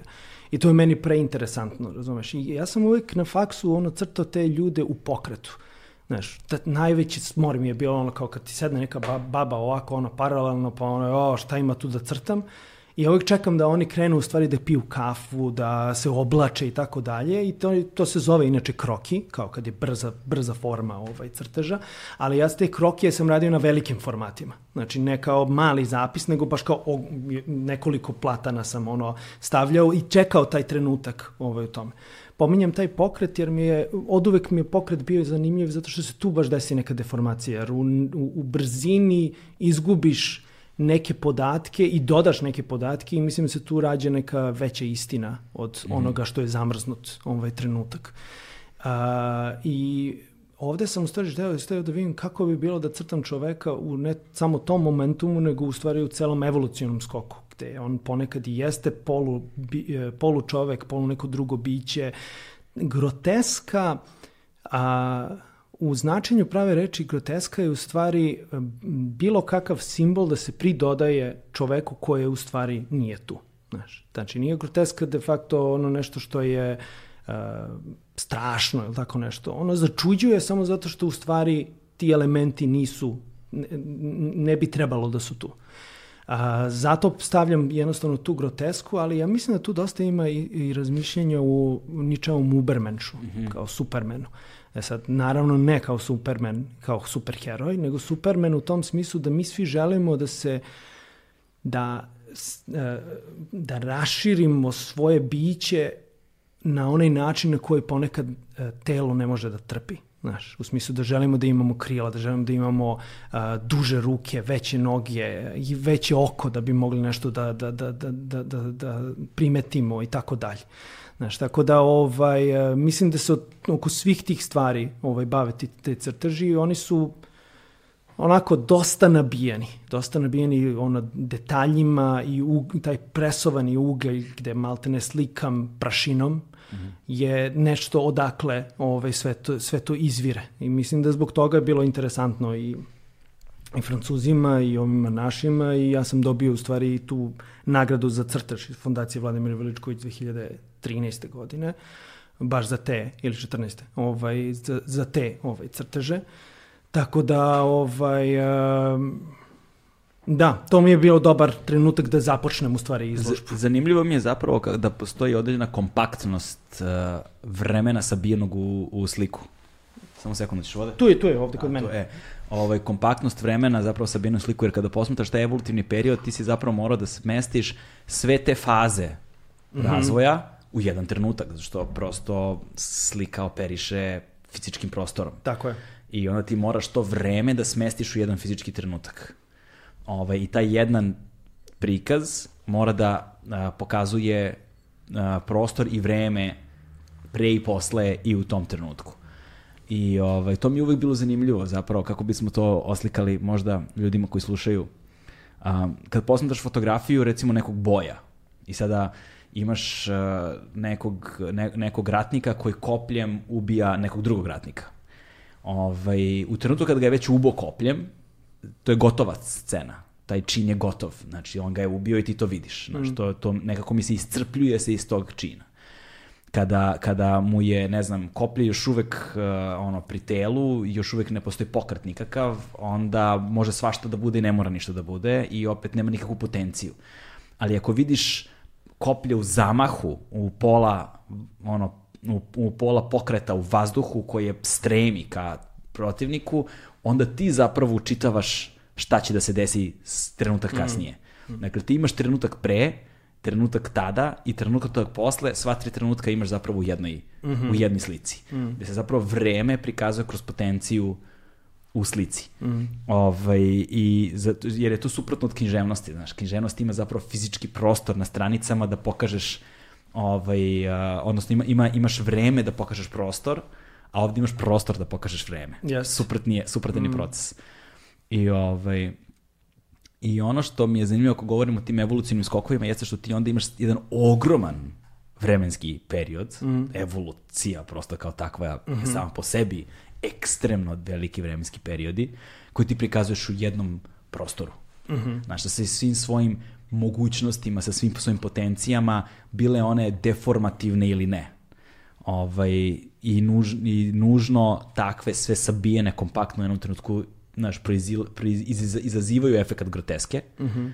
ovaj, ali, izazi, ali ostavljaju taj proces za tumač, prostor za tumačenje prosto. Znaš, to je ono, nisi suviše hermetičan da neko dođe i da stane i da bude u fazonu, ok, šta sad se ovde dešava, a, ostavlja se jako puno prostora da neko stane i da doživi. A, ali s druge strane, a, ima, i, i, na, ima ne, postoji nekakav emotivni naboj koji dosta odiše mrakom. Mra, mračna ti je umetnost prilično, znaš. Mm. Ovaj, I mislim da svesno igra na tom planu.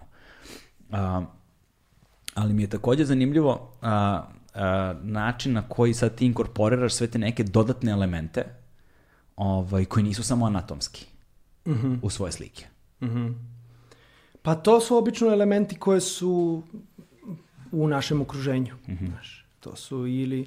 I znaš šta, e, mislim da je bitno e, ti arhetipski, znaš, ovaj, arhetip i ovaj, arhetipska sećanja, znaš, zato što e, svi dolazimo iz tog, tog kolektivnog sećanja. Znaš, to mi je zanimljivo da a, elementi koje koristim čitaju za sada na svim mestima gde sam izlagao. Znaš, i u Singapuru, i u Santiago, i u naš Parizu, Njujorku, ovde.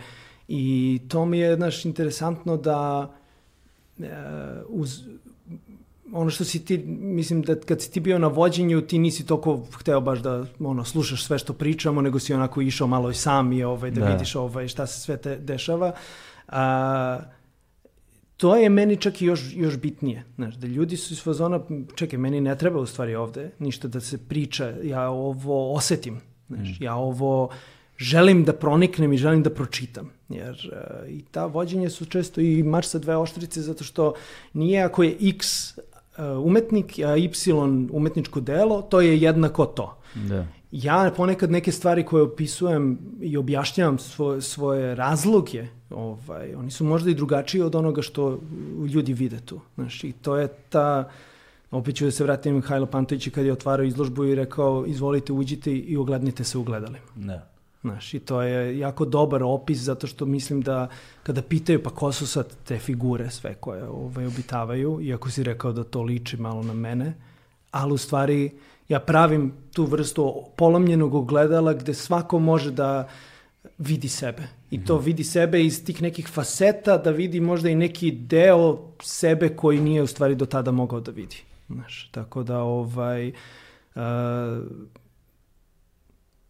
Je li bilo neko pitanje već za ovo ili neko što sam nema veze, nema veze. Ovaj, pa da, to je ta, um, sad sve zavisi od te estetike recepcije, naravno. Znači, od nas zavisi šta je ono što ćemo da vidimo. I uvijek se postavlja pitanje gde se krije značenje ovaj, da li se značenje krije samo i slici ili se značenje, krijenje, krije, značenje krije u posmatraču ili se značenje mm -hmm. krije negde između na sudaru ta dva sveta. Mm -hmm. Mm -hmm. I ovaj ili sva... samo u sociološkoj, znaš, ono kao. Sad zanimljivo mi je u tome e, izlagao si i ovakve stvari na različitim u različitim zemljama, ne, i mm. u različitim kulturama.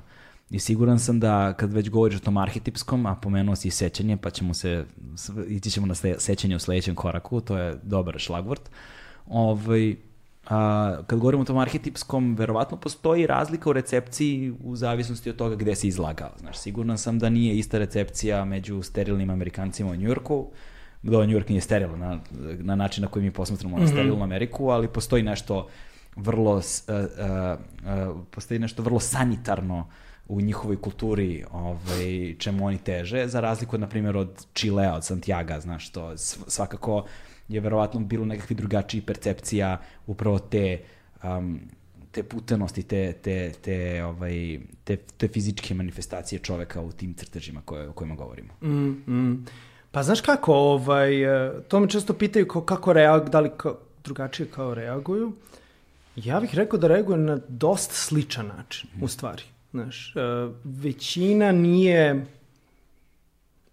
udobno, ne osjećaju se udobno pored mojih dela. Znaš, ono kao, i uh, to, to mislim da je upravo ta kora, znaš, koje trebaš u stvari da, da prođeš, jer neki od mojih kolekcionara, znaš, imam neke belgijance koji, koji kupuju ono od mene i oni baš kažu kao mi kupujemo, znaš, onda stavimo nešto ovaj, na, znaš, kao na zid i onda sve vreme promenimo tebe kako smo uzeli kao tu si ostao na svim tim mestima i ne menjamo te, znaš, ono kao, iako je prvo bio iz fazona ovo mi je malo teško, neću ovo baš da stavim u spavaću sobu, znaš, ono, ali, ovaj, ali mislim da kada prođeš taj prvi deo, da tu ima dosta te, te memle, znaš, kao te, ovaj, telesnosti koje stvari ljudi privlači i koje, znaš, koje se u krajnjem slučaju posle, kako i oni kažu, zaljube.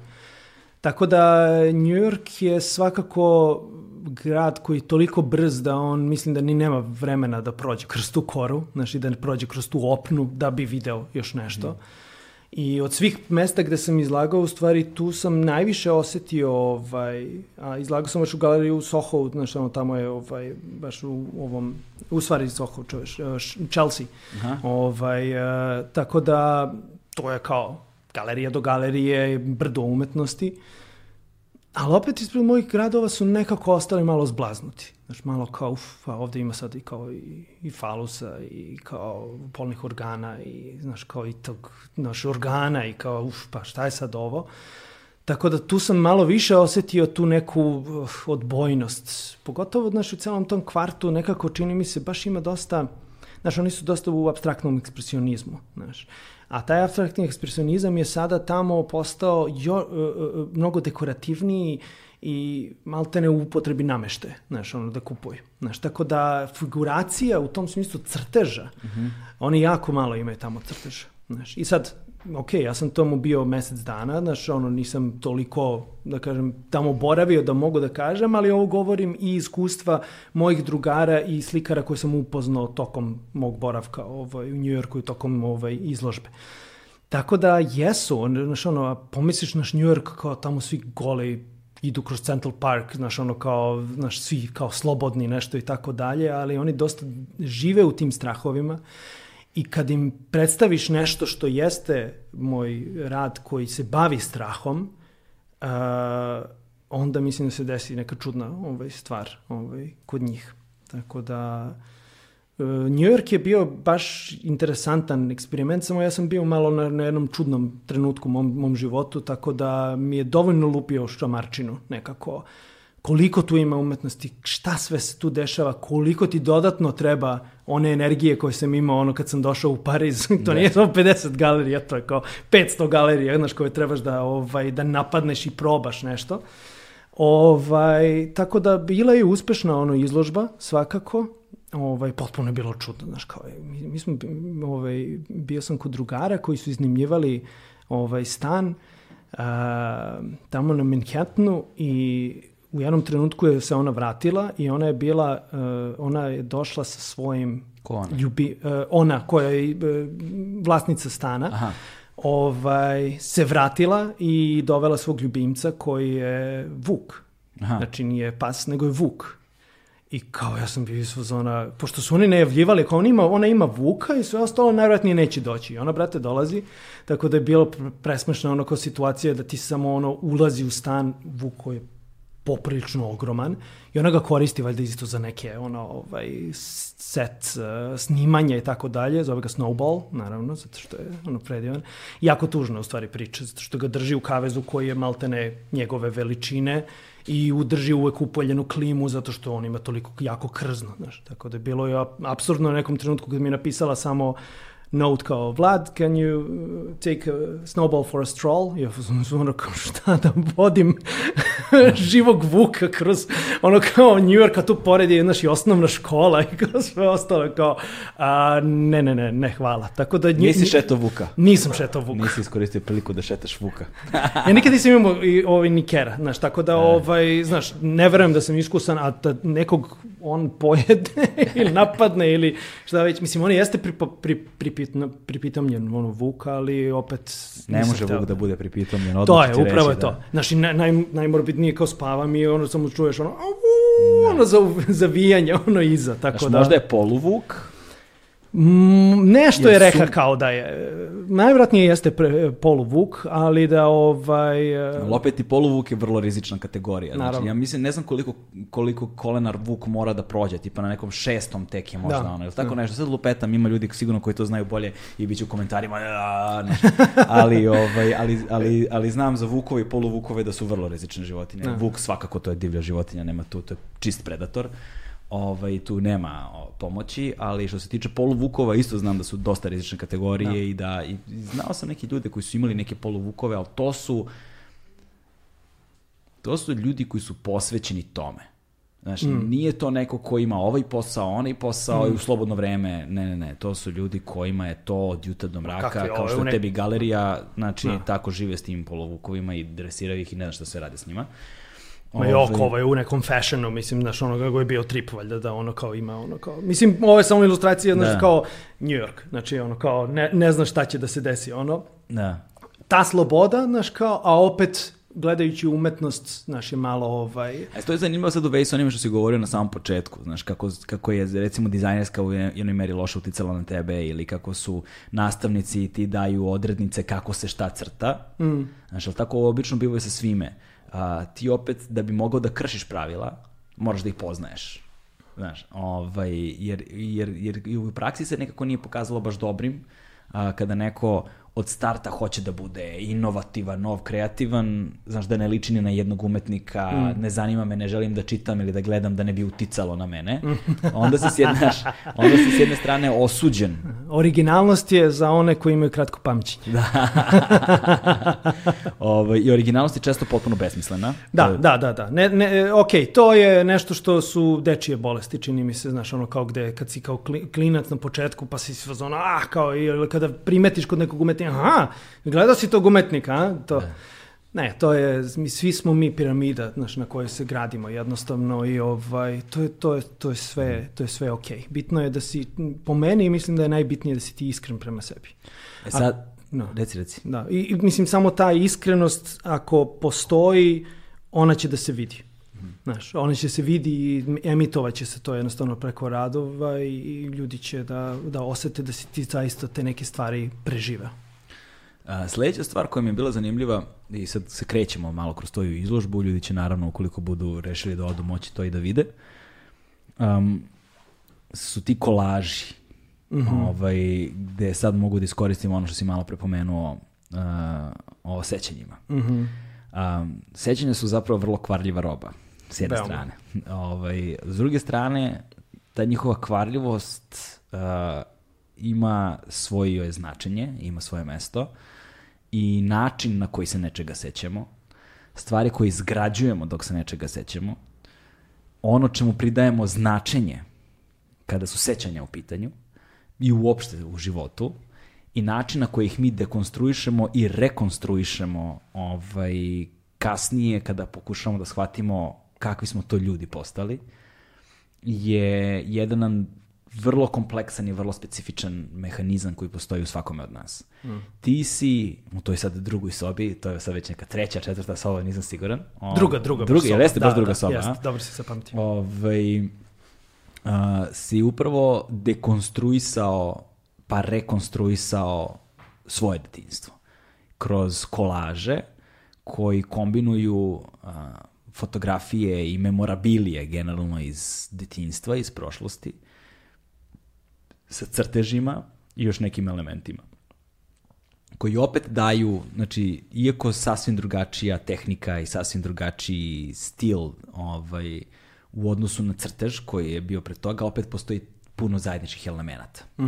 sa time, znaš, i čini jednu, jednu celinu zapravo, znaš, nadovezuje se na ovo na jedan dobar način. A, ajde mi sada reci malo više o tom, tim kolažima, ali prvenstveno da govorimo o tim sećanjima. Mhm. Mm A znaš kako, ovaj, tu mi je baš mi je bilo interesantno, ovaj, to će ljudi koji dođu da vide, ta mala rekonstrukcija, u stvari, moje sobe, gde imam kao taj stari tepih, uh, ima ove knjige koje sam listao, enciklopedije, kao, kao baš da kažem, znaš, kao moji su dosta ovaj, imali bogatu biblioteku i znaš, to su te neke enciklopedije koje mislim da većina mi imamo, znaš, ono. Tako da sam namerno išao na te neke elemente, jer kako ko dođe, znaš, kaže, jo, imao sam ovakav tepih, imao sam ovakvu enciklopediju, imao sam ovakav autić, pošto sam stavio par svojih ono, igračaka da, da, da. i tako dalje.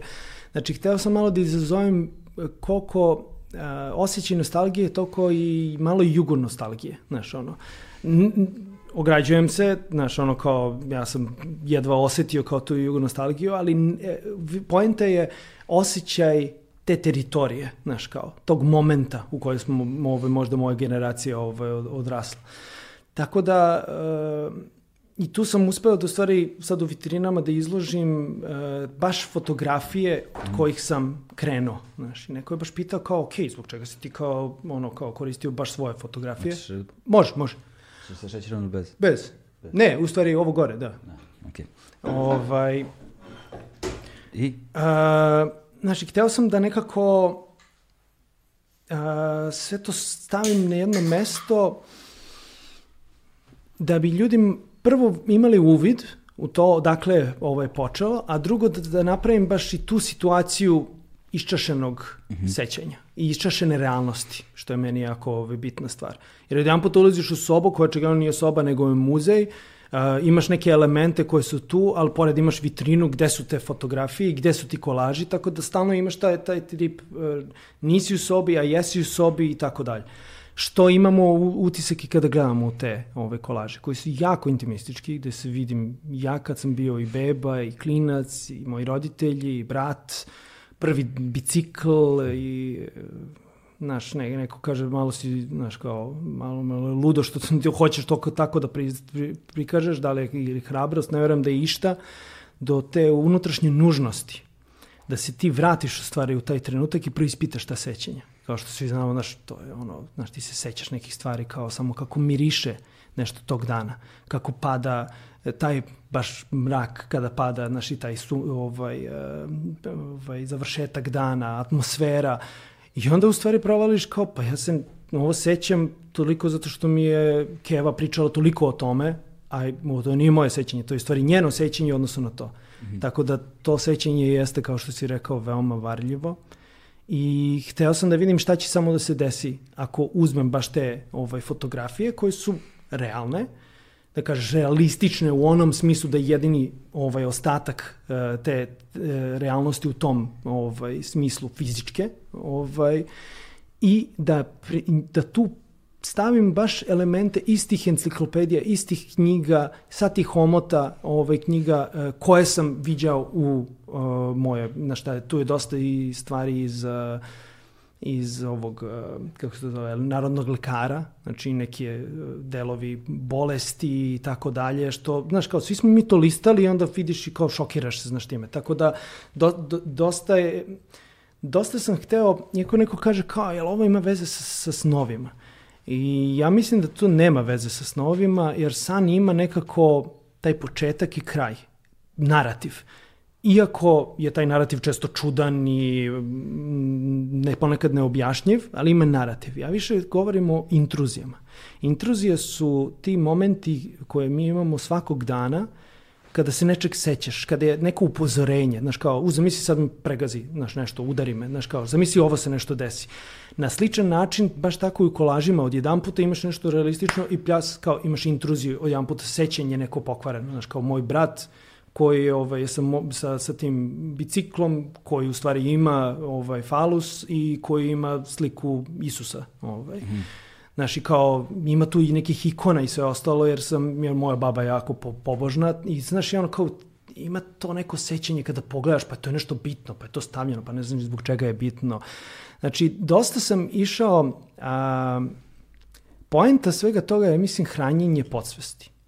Znači, sve što sam ja koristio tu, sam ja fajlovao i dosta ovaj, taložio u stvari to i pravite sedimente, mm. kako se samo zove izložba sedimenti i sentimenti, a, gde sam u stvari a, hranio svoju podsvest da kada budem radio kolaže, kolaže su veoma brzo rade, u smislu staviš jedno preko drugog, odmah dobiješ neku ovaj, likovnu ovaj, problematiku, odmah dobiješ to da podsvest u stvari može jako dobro ovaj, da radi. Mm i na neki taj način da se vezuje za te intruzije i znaš šta, meni je baš ideja da se na svakih 7 do 10 godina vraćam na istu tu seriju i da pokažem koliko je sećanje varljivo. U stvari, da se vratim na iste te fotografije za sad 10 godina i ako me zanima šta će onda da ispadne. Jer, uh, i ajde ako poživim pa da uradim ono 4-5 takvih ono kao serija, uh, iste fotografije u drugačijim e, dobima, gde sigurno kad budem, ako dobijem, ovaj, budem imao porodicu ili posle penzioner i tako dalje, da ću da se vratim na ta sećanja mnogo drugačije. Zanimljivo je sada s jedne strane, kad govorimo o toj intruziji, kad govorimo o toj fragmentaciji, kada govorimo o rekonstrukciji fragment, fragmenata, znaš, kada imaš recimo odbljesak nekog sećanja, da li je to miris, da li je to boja, da li je to delić nekog ambijenta koji nema nikakav kontekst, koji je, stoji mm. sam za sebe, postoji kao nekakav fragment i onda da li to kroz porodične odnose, da li kroz tvoje odrastanje, kroz tvoj karakter, kroz tvoje podsvest na ovaj ili onaj način, sad ti de, dekonstru, rekonstruišeš kontekst u kojem to sećanje postoji, šta bi mogo da znači, šta ne bi mogo da znači. Ovaj, ali je zanimljivo da kad se uđe tu, sad ok, ti se igraš i sa prostorijom kao takvom. Mm -hmm. Znaš, te sad tu dolazi do jednog neobičavanja, naš u muzeju si, ali ulaziš koji je opet onako rudimentalan, mm. znaš, zgrada koja je promenila svoju namenu, koja je sva oguljena do, do cigle i do betona. Da, da, pred rekonstrukcijom je, pa pred, još pa, više ono... To, da. pred rekonstrukcijom mislim da ne razumeju da baš takva kakva je treba da je ostave takvom, što se mene tiče. Da, to je ono što zapadni svet pokušava da postigne sa da, svojim da, muzejima, da, mi ga već imamo takvim. Da. Ovaj, sad jednom u njemu gradiš sobu. Znaš, sad je to već jedan, jedno izmeštanje, jedno neobičavanje koje, znaš, kao evocira kad uđe čovek kao evocira efekat ono, spavaće dnevne sobe ili čega god, a s druge strane si ipak u muzeju, znači onda ne znaš kakav odnos da imaš prema tim objektima. Mm. Ali ono što mi je još zanimljivo u svemu tome, kao dodatni sloj, jeste da si zapravo dao sastavne elemente kolaža u svojim originalnim izvornim oblicima. Tako da, znaš, kao da si dao na jedan način ključ za tumačenje, kao da si dao um, alat nekome da sam može da konstruiše i rekonstruiše. Mm. Ovaj, zato što, znaš, kao imaš taj, taj, ne znam, vatrogasni kamiončić, ne znam, te knjige, te fotografije, ja vidim kolaž, vidim gotovo umetničko delo, ali vidim i odakle je počelo. Mm -hmm, mm -hmm, znaš, mm -hmm. ne vidim samo što je običaj u muzejima, vidiš finalni proizvod. Da, da. Ne vidim uh, elemente koji su činili razvojni put tog proizvoda. Mm. Razumeš što ću ti kažem? Mm, mm. Ovaj, I onda ti ostavlja prostor, jedan vrlo specifičan za tumačenje, a to je taj prostor između. Između onoga što je bila osnovna građa iz koje je nastalo i onoga što je nastalo kao finalni proizvod i on ti ostavlja prostor da tumačiš i rašlanjuješ zapravo taj put nastanka. Da, da, da. Pa dobro, to je, to je, mislim, jako bitna stvar, jer ako se ja i bavim nečim što može da se protumači kao dnevnik, kao pisanje dnevnika, jer meni je crtež kao da pišem u stvari dnevnik, ima mnogo darovitih ljudi, razumeš, koji će to da urade i koji će da stavljaju i fotografije i tako dalje. Ali tu je i poenta ovaj, umetnika da nekog uvede u to i da napravi da. tu vrstu e, enigme koju može onda protumači na različite načine. Znaš, jer, znaš šta, ja ponekad sam kao, Bog zna kako pametan, pa sad ja mogu da protumačim, aha, kao vidiš, ja sam ovde kao hteo to, kako ovde se dešavalo to. Ja u trenutku kad uradim rad, ja apsolutno nemam pojma šta je. Znaš, imaš onih umet, umetnika koji smisle koncept, smisle ideju i, i ja hoću da uradim to.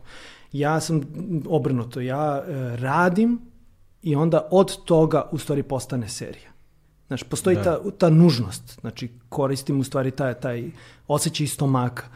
A ta nužnost je u stvari u tom trenutku i ta promena u odnosu na ovaj prošli period crtanje je nastupila zbog operacije. Znaš, mm -hmm. Jer sam 2015 su mi pronašli ovaj cistu na mozgu i ja sam ovaj ovu seriju u stvari pošto sam se operisao i u, to, u to, tom rekonvalescentnom periodu a, kad sam učio da, i, da hodam ono maltene ponovo sam radio te kolaže najverovatnije zbog tog trenutka i šoka kao da li sam mogao da ovaj, naš, umrem, da li, šta je moj život trenutno. Vraćaš se, logično je da se vratiš nekako ono kao ok, malo ono nazad.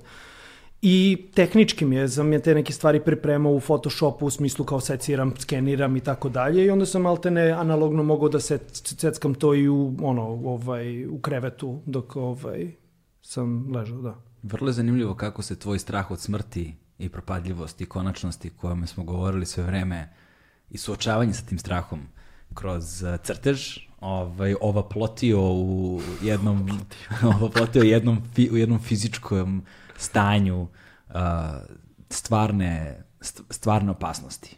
Da. Znaš, i onda to stanje, kako, je, kako, je izgled, kako si zapravo otkrio sa tu cistu i kao, znaš, da li, da li si imao neke promene ovaj, u, u ono, kako si znao da nešto nije u redu? Uh, tako što sam se jednog jutra probudio i hteo da odem do WC-a i samo sam padao. Napraviš dva koraka, padneš. Ustaneš, kreneš, padneš. Jednostavno centar za ravnotežu potpuno poludeo i potpuno nije slušao. Mm -hmm. I to se dešavalo u talasima, znaš. Ovaj... Jesi odmah reagovao na prvo ili... Reago, reagovao sam zato što sam tada sam morao da odem u bolnicu jer nisam mogao da hodam. Nisam, da. nisam kapirao kako se hoda, zaboravio sam kako se hoda. Izvini. Da. Ovaj, I fora je u tome samo što nije odmah otkriveno, znaš. Nisam pokazao dovoljno neuroloških nekih ono, mm -hmm. simptoma da bi oni meni skinirali glavu. Iskenirali su tek uh, mesec dana, dva meseca možda tek ono kao posle toga. Gde na skenu su onako rekli kao, ja, vi znate da imate ogromnu cistu na mozgu. kao, A su odmah rekli cista, nije bilo pitanje da li nije je nešto bilo, maligno? E, mislim da nije, mislim da se to odmah vidi. Zato što je uh, drugačija forma, mislim da je cista voda, mislim mm. stavljen, z, zarobljena u stvari u toj ćeliji, a tumor mislim da je drugačijeg tkiva. Aha, ono, tako da mislim da se to vidi. Neko će no, da mi ispravi ako da, da, lupam, ali da, da, mislim da se, da, je, da se odmah videlo da je to, to je i problem. Poenta, poenta mog pitanja u suštini je uh, suočavanje sa strahom. Da, da, da. Suočavanje sa nepoznatim, suočavanje sa ono anticipiranje, možda anksioznost neka, na, razumeš kada, kada ne znaš šta nije u redu, ali znaš da nešto nije u redu. Mm pa dok ne dobiješ konačan rezultat koji će osloboditi taj ventil, pa kažeš, ok, sad mi je malo lakše, ovaj, znaš, da li nešto čudno nastaje u tom procesu? Uh, to je dosta dug bio proces, čini mi se da bi oformio takvo mišljenje. Znaš šta je bio, ovaj, evo, baš taj trenutak kad sam, kad sam dobio taj prvi sken, ja kao ovako gledam čoveče i ono, i baš ona prošla serija o kojoj smo pričali, ta crno-bela, i tu često ima tih deformacija, ima tih glava koje su isečene, znaš, ono, ni, baš sam radio jednu seriju malo manjih koje nisu tu izložene, ali ovaj, uh, gde imaju te kao neke glave koje su u to nekom preseku. Mm -hmm. Ja gledam u to i kao čoveče, ono kao, ja znam ovo i samo vadim taj crtež i bukvalno na istom mestu gde je ta bela fleka, ta bela fleka mi je na crtežu tog preseka, baš ono kao glave. Tako da je neverovatno u stvari koliko možda naši organizmi pokušavaju nešto da... Pazi, to je bilo, taj crtač sam napravio u Parizu, znači tri meseca pre nego što sam uopšte ovaj, dobio prve ovaj, simptome. simptome znaš. Ja misliš da je to slučajno ili ne? Da, brate, mislim, ne verujem da sam ja sad neki ono, znaš kao prorok ili da. tako nešto, moguće da je slučajno, ali moguće da i sam organizam hoće nešto da ti kaže. Da, znaš. viš, to mi je vrlo zanimljivo. Može da bude. Da. Ja odlučujem da verujem. Ove... Ovaj- Ali, e, znaš šta je fora? E, jako je dugo trajao taj proces e, dijagnoze, zato što cista na mozgu ne bi trebalo da proizvodi sve te stvari. Mm -hmm. Znaš, kao vrtoglavice, ja čak sam naš u Madlenijanumu ono kao pe, pevam i kao igram u jadnicima i imam taj tu neki trenutak gde ja dođem ono kao sa zastavom ono u ruci, znaš, je kao okrenem se i bacim tu zastavu ono nekome drugom i to, e, to je često bio trigger. Brzo okretanje, brzo zabacivanje glavu, kreće vr, vertigo, ne da. znaš. I ovaj, ja kao hoću da se okrenem da bacim ono kao i to samo krećem da padam, ovaj me neko, hvala Bogu, ono kao nešto pri, prihvati to, stavi me na kolica gde me nose, razumeš, ono, pošto smo imali neka kolica u toj sceni. Tako da, to je bio problematičan trenutak uh, u, u, u mom životu što se ne zna. Neko kaže da je to, neko, neko je govorio da, išao sam dosta na one preglede, da je to u stvari, uh, centar za ravnotežu ima kristale unutra. Uh, ti kristali u stvari plivaju u vodici koje imaju neka kao dlakice, da kažem. Ovaj, znači, ide ta, tako da kako mi pokrenemo glavu levo i desno, to je u stvari vodica koja je uvek ovakva i tu plivaju te ovaj dlačice koje, koje nas u stvari pokreću. Mislim, fantastično koliko mala neka ne, stvara toliko ako ne radi dobro, mislim, ti nemaš ravnotežu. Ponekad se desi da tri kristali odu u neki drugi kanal, da se ovaj, o, jednostavno odu, odu negdje drugo.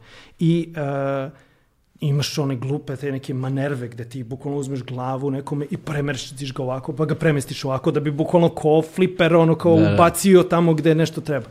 Ja sam jako dugo išao na to, to ništa nije pomagalo, a nisu hteli da me operišu zato što je teška operacija i invazivna, a, a ne znamo da li je do toga. Mm -hmm. E, ali u trenutku kad su krenuli Znaš, ono eye floateri, tako se zovu, ovaj. To ne. je ono kada gledaš u nebo ili nešto belo, pa vidiš da ti nešto, ono, treperi, znaš, da ti putuje Aha, u stvari, da, ono kao da, neki. Da, da, znam. Ja, ja to imam uh, tipa od devete godine, mislim da je to nešto sa mrežnjačom, uh mhm. -huh. ovaj, da mi je zapravo... To svi imaju. Mi se zapravo da. odlepilo nešto. Ja to nisam imao dok, dok se nismo ko klinci pisali ove brutalne 90. I grudvali smo se tako što smo stavljali kamenje u grudve. Oh, pa tako je, jedino on interesantno. jedino tako je bilo zanimljivo. I onda me neki klinac, a vidiš, nećem se ni koji klinac, ovaj, uh, uh, pogodio jednom grudvom direktno u oko, razumeš, i kamenom i onda od tada imam uh, na jednom oku kad, kad tako gledam u nebo ili nešto, kad je baš svetla, kad je baš svetla, kad je baš da, da. svetla da. površina, imaš mrlju. On, imam neku mrlju koja se kreće ovako kako pomeram oko, ona tako šeta. Da, da, da, da, da. E, to svi imamo, znači, u stvari, e, mozak je navikao na to i on kompenzuje u stvari to, da je to nebitno i zato mi to u stvari ne vidimo sam ako imamo takve neke ono kao uslove. Mm. E, to je meni krenulo da bude crno, sve i veće i veće. Ja sam imao u mom osjećaju ogromne fleke koje putuju. I to je bilo dosta frustrirajuće baš dok sam crtao. Zato što ti dok crtaš u stvari tvoje oko jako brzo ide levo-desno, pogotovo beo papir.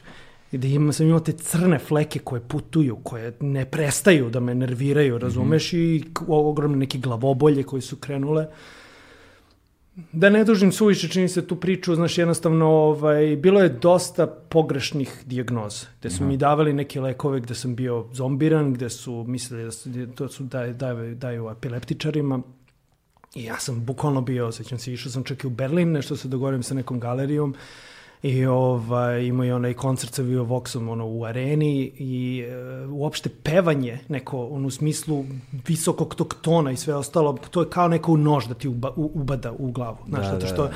i projekcija tona je najbolja u operskom ono pevanju kada u stvari prebaciš to da ide u stvari baš ovde negde. Znači, Nazalno. Znači, kao, pa ne, e, fora je da prebaciš u stvari preko tog nosa i da u stvari da tebi vibrira u stvari ovaj deo glave, razumiješ? I to kad sam ono kao pevao te visoke tonove, to je bilo katastrofa, znaš, ono, tako da... Ti si tenor? Tenor, da. da. Tako da tenoru je u stvari tu naj, najbitnije ovaj moment. A, tako da, e, to je bilo najfrustrirajuće što se ne zna, znaš, kao šta je i što su mi davali te lekove koje te omamljuju.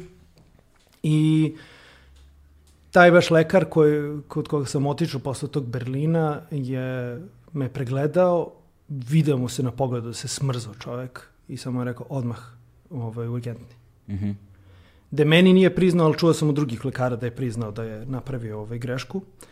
I zašto je on bio suzana, ne može, ne može. Cista sigurno nije, ne može ona to da pravi, ona je benigna, ona se samo tu našla. Stvarno, ljudi ponekad ovaj, žive sa cistama u mozgu ni ne znaju, znaš, ono kao na, na autopsiji se ono kao provali, znaš, ne, Da. ne, ima slučajeva gde ima pola mozga, mislim, mozak je fantastičan organ koji toliko može da se sabije i promeni, a i dalje da funkcioniše ovaj normalno. Ali moje se baš našlo u centru, tu gde je ovaj, hidrocefalus i sve ostalo, pa nije moglo da ide tek, tekućina kako je ovaj, trebala. To je ovaj hidrocefalus iz pesme. Izgleda da jeste, da, Da, sad sam da, shvatio. da, da, sad. Ovaj, Tako da ovaj, uh, ja sam onda otišao u tu, taj urgentni i oni su meni rekli da, Mhm. si, da, si- da, da si još nedelju dana čekao, ti bi izgubio vid. Evo Jer je vidiš, to- i tu je Vučica čoveče. Tu je Vučica. Kaže u istoj rečenici, znaš, kad smo, kaže ovako, gorak trag košmara iz kojeg smo izrasli, recimo, stara Vučica i car hidrocefalus. Eto. I eto, mene je bilo ono, neverovatno da su oni rekli još nedelju dana da si ostao ovako i izgubio bi vid. Jer je to kod cista stvari pritisla taj uh, očni nerv i sve ostalo. Tako da, E, e. ovaj, uh, ako me pitaš u smislu, ja sam samo hteo da se to završi. Znaš, Da. to je dugo trajalo, tako da nisam imao taj trenutak A čekaj, jesi ti to operisao na kraju? Periso. Znači imam imaš ožiljak. ožiljak na glavi, gde? Da, da, da, da. Pa nazad. Aha. Ovaj, koja kamera ono kao Nema veze, da, da, hvata. nema veze. Ali ovaj, e, da, da, vidi se kad, pogotovo kad se ošišam, ono sveže, to je onako dosta, ono, koliko, nekak 12, tek, 13, 14 cm, koliko već. Treba to da se izvadi, mislim, otko znam. Mhm. Ovaj, e, nisam uopšte razmišljao, znaš, ono kao o toj smrti, razumiješ sve ostalo. Zanimljiva je stvar, jedina stvar koju sam razmišljao, pošto je jako bilo naporno ovaj, da se probudiš iz svega toga i da taj oporavak, koliko sam bio iz fazona, jedino što hoću sada, ja se malo bacim na neki dizajn, da imam neki stabilan posao, dosta više ove umetnosti, znaš, dosta više, da li, da li pevaš, da li sviraš, da li Da. crtaš, da li šta radiš ti uopšte, ono čoveče, jer sta neka stabilnost, znaš, razumiješ i kao to, da se malo ušuškam i tako dalje. I E, tako su meni od malih nogu. Da, e, i- zanat, sine, da imaš zanat. Zanac, da, da. Pa dobro, isto kao i meni, kao ok, likovnjak, ali naučiti da znaš i da Da. ovaj, radiš ovaj, taj, taj dizajn. Tako da, ovaj, ja sam to napravio pakt sa sobom, znaš, da to sad treba tako i to sam ovaj, osjećao da treba. Ja sebe uopšte nisam pos- poslušao, znači kako sam izašao iz bolnice, tako sam krenuo da, da pravim novi album za Organized Chaos, za svoj band, tako sam krenuo još više da crtam, tako sam krenuo još više da se bavim time. E sad, je, dve stvari koje su mi zanimljive tu. Um, ovaj, prva je, sve vreme dok pričaš to i dok pričaš o toj ne, dok pričamo o toj neizvesnosti i, i o tome što ti se dešava i kako si zapravo te kolaže počeo da radiš u tom postoperativnom procesu Da. kada nisi bio siguran da li ćeš moći kada si bio jedva sposoban, kada si ponovo morao da učiš da hodaš i tako dalje. Ovaj, podsjeća me sve vreme na roman Proleća Ivana Galeba, Vladana desnice, ovaj, gde zapravo je taj umetnik, veliki violinista koji je slomio ruku, jel ti onda stari čovjek koji je celog života svirao i onda kao taj, u tom postoperacijnom procesu ostaje pitanje funkcionalnosti ruke, znaš, i kao da li će ikada ponovo moći da svira. I, ovaj, I onda idu taj tok svesti, znaš, roman, roman toka svesti u kome se promišlja zapravo sudbina, život, efemernost jel te, života i tako dalje u toj neizvesnosti da li će ikada moći ponovo. Um, a druga stvar je uh, da čuo sam da si zapravo u, jel to postoperativno kad imao vizije koje su ti ovaj koje si posle kojima si kapitalizovao posle kroz umetnost. Ne, ne, ne, ne, ne. A, ovaj, To mi je Maja rekla. Pozdrav za Maju. A, pozdrav za Maju. Sam imao vizije. Ne, ne. Mislim da sam samo, ovaj, znaš, ako se desila ta, taj trenutak sa tim kolažima, moja podsvest je u tom trenutku bila otvorenija, znaš. Jer si, jednostavno si bio izloženi. I mnogi govore baš o toj izloženošću gde se vidim ja koji sam na nekoj kvazi bini, razumeš, gde su tu neki posmatrači okolo, gde imam krive ovako noge, znaš, i ono, pokušavam da opet hodam, a ja sam i stvarno rođen sa tim krivim nogama, znaš, ovaj, tako da, e, nema tu, znaš, ono kao, oh, kao sad imam viziju, znaš, pa mi kao sada došlo. Znači, kao ja pravim tu, uh, da kažem, vlažnost uh, podsvesti gde mogu da uzgajam te gljive i ostale biljke i tako dalje. A ta vlažnost se, se pravi nekako i tom otvorenošću i da možeš da kažeš sve. Da želiš da kažeš sve. Znaš. I ovaj... Čudno je šta sve može da ispadne znaš, iz svega toga, jer baš si pome, po- pomenuo znaš, te neke igračke koje se dešavaju, koje se nalaze na nekim od kolažem, kolažima i tu sam video kao često se pojavio taj simbol kao crvenog autobusa koji ovaj, je tu negde pred nekom bebom, znaš, ili tako nešto, ili nekom figurom. I tek posle par godina onako skapiram, jo, pa ovo je možda opisuje onaj trenutak mene u Londonu ubali, udario double decker. Inače, Šeto, Vukove, ne razumeš, ono, imao vertigo, udario ga double decker. Da, da, ti bolje, da. još i roman da napišeš i eto ti, znaš. tako da... Kako te udario double decker, majke? Pa nisam gledao na pravu stranu, što misliš? kao in my defense, ono Da, da, kao da. bilo je to da, da nije bilo u centru gde stalno piše gledaj levo, gledaj desno. Nego sam toliko bio opčinjen, to je, bilo je dosta ovaj, davno i ovaj, bio sam opčinjen tom grafikom i tražio sam taj veliki ono ovaj, prodavnicu materijala, znaš, ono, kao baš za grafiku. I kao pitao nekog lika, e, gde je u stvari kao ovaj, to? I on kaže, samo pređeš ulicu i kao levo, nisam prešao ulicu. da, baš sam leteo, ono, 7-8 metara, razumiješ znači, to? baš Da, da, baš, a? baš me pokupio i baš sam imao potres ono mozga. Znaš, i kao bud, budim se, tu sam bio sa burazerom, budim se u ambulantnim kolima, znaš, i ono kao stavili su me onaj color, kao, znaš, ono, Kragnu, da, da. kragnu. I, ovaj, i lik kao u fazonu kao, uh, do you feel your legs? Znaš, i ja kao, yes. I kao, znaš, i tako neka pitanja. Ja gledam u burazera i kao fazonu, jeli, što ovaj priča na engleskom? Kaže, pa u Londonu smo. Stvarno? Jel ima magle? Jer u tom trenutku potpuno ono kao, znaš, je, nisam se sećao gde sam uopšte i sve je došlo i mislim, hvala Bogu, potpuno je sve Jesi prošlo, ono kao, okej. Imao sam učinu, mislim da sam povratio ono kao posle. Znači, teži potres mozga. Ovaj, Da, ali zanimljivo nisu mi snimili glavu jer kao uh, oni snimaju do 15, m- preko 15 minuta ako si imao potres mozga snimaju ti glavu. Ono, šta god da je. Ja sam bio 14 minuta pa mi nisu snimili glavu. Da, da, možda ima neki, vjerojatno ima neki medicinski razlog, ono. Da, da, da, da. Ali ovaj, e, hoću da kažem da a, to što si rekao kao pišeš roman i sve ostalo. Ja iskreno u mojim radovima ne verujem da imam bilo šta da ispričam. Ja u mojim radovima ne verujem da, ja ne, ne volim u stvari narativ, znaš. Zato se često bavim i kolažom i zato imam jednu onu prostoriju gde su zalepljene gomele crteža, to su crteži koje stvari ja mrzim, znaš, koje sam u stvari ono i čupao, uništavao i sta- dao im jedan novi život u stvari, gde su direktno zakucani ekserom ovaj, na zidove ovaj galerije.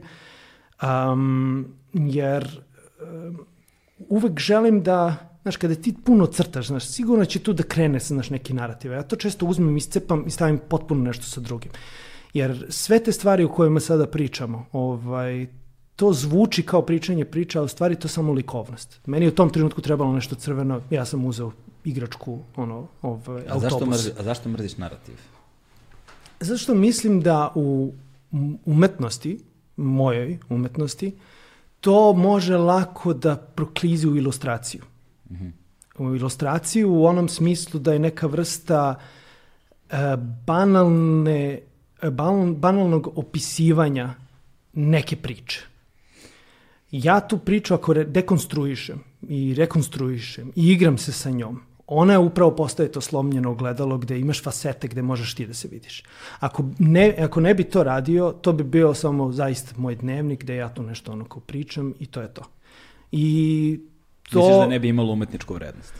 Pa imalo bi neku umetničku vrednost, ali ne ono što bi ja, što bi ja volao, razumeš? Zato što ja, zbog, zbog to, narativ uvek postoji, uvek će neko pričati, razumeš, o tome i to, tu je, u figurativnoj umetnosti mora da postoji taj sukob na, naracije, ali ovaj, a, to se meni ne sviđa i ja Da. želim uvek da bežim od toga. Ovaj, Možda i želja da iznenadim sebe. a, idemo u sledeću prostoriju. Uh, gde smo sad? Da, pa sad smo iz, izlazimo iz kolaža, ali ne mogu da sad tačno se setim, već je prošlo neko vreme. Ima jedno mesec dana, a? Nemam pojma.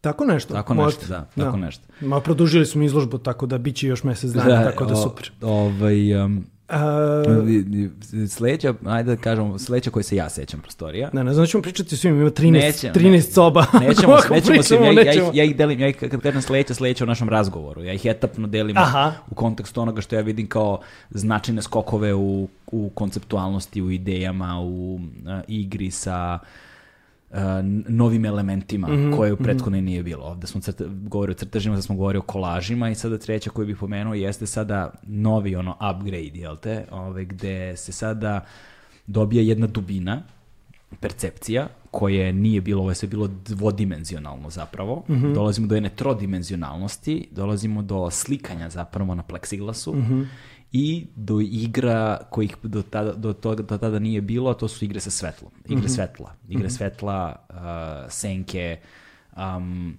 uh, načina na koji se zapravo slika projektuje kada se slika na pleksiglasu i onda imaš zapravo vi tu jednu više slojnost, dobijaju se prvi plan, drugi plan, treći plan, ali onda ako se postavi nasprav nekakvog svetlosnog izvora, onda se dobijaju još neki elementi. Uh, a pritom je priroda pleksiglasa takva da kad staneš ti ispred njega, onda si ti ogledaš, mm. bukvalno. Mm. Mm. Znaš, pored onoga što ogledaš sebe u interpretaciji, ogledaš se i doslovno stojeći ispred njih. Ovaj, I to je možda i najsvetlija prostorija ovaj, mm -hmm. koji sam bio na toj izložbi. Mm -hmm, mm -hmm. Da, to su novi ovaj, radovi. I opet, kao i većina stvari, to su slučajno, znaš, ja sam... Da, pardon, to su oni radovi koje ćete videti ukoliko googlate Vladimira Lalića.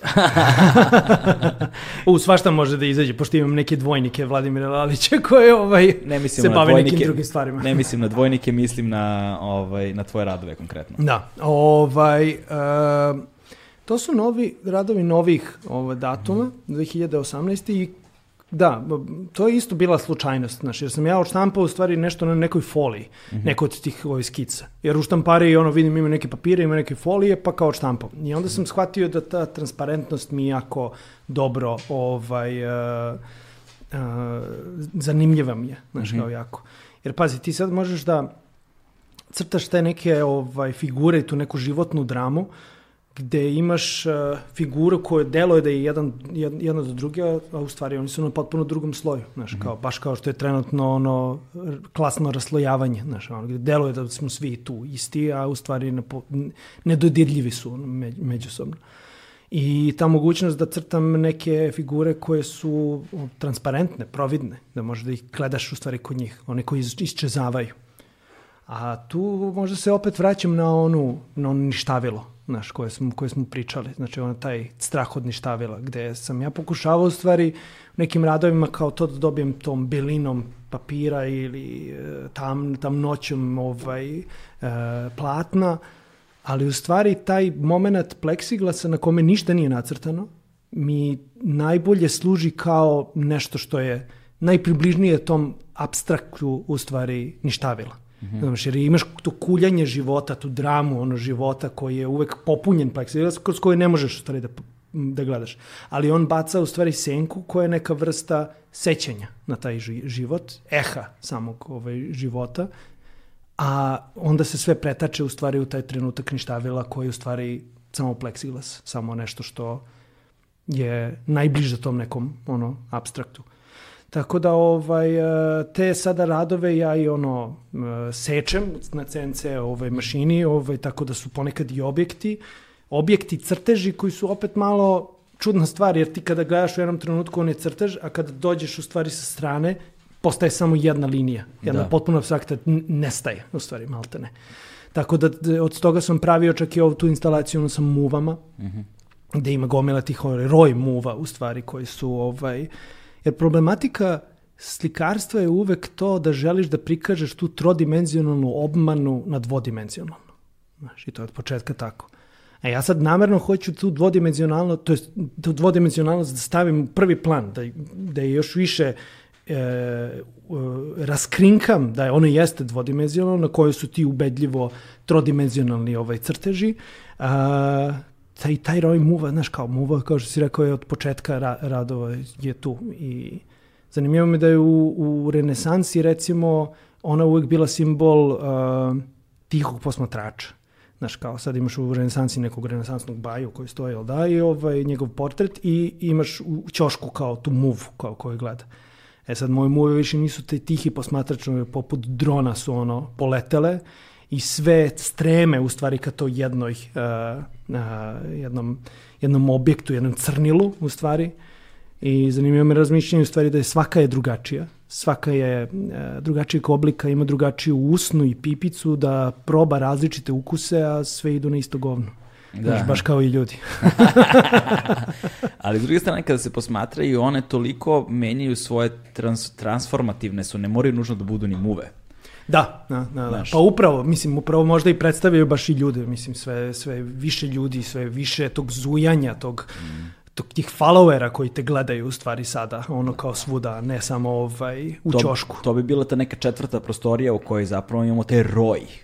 Naš. Imamo taj roj i nasuprot njih je u stvari čak i ta na pleksiglasu velikom ovaj, uh, metar puta 150 sa 100, ovaj, to telo, u stvari žensko, koje je raskrečeno i koje je maltene u to, tog nekog, te neke pink boje, jel da, koje ti voliš?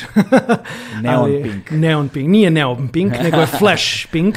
ovaj, gde, je ta, gde, gde, gde se vide re, re, refleksije tih muva, jer onako, znaš, kako je to telo i tako a, otvoreno, a tu imamo i taj simbol prljavštine, da kažeš, ali još bitnije što je taj upravo pleksiglas što si ti rekao i gde ljudi, u stvari kada stanu, pošto je life-like, ve, veličine onako ovaj, čoveka, ti kad se nađeš i toga ti vidiš svoje, svoju refleksiju. Tako da mhm. a ta, to telo je nekako u nekom uh, ramu kao da je u izlogu. Znaš, tako da, da, kao da smo mi došli u stvari na tu predstavu gde je telo to što ćemo da konzumiramo možda uskoro.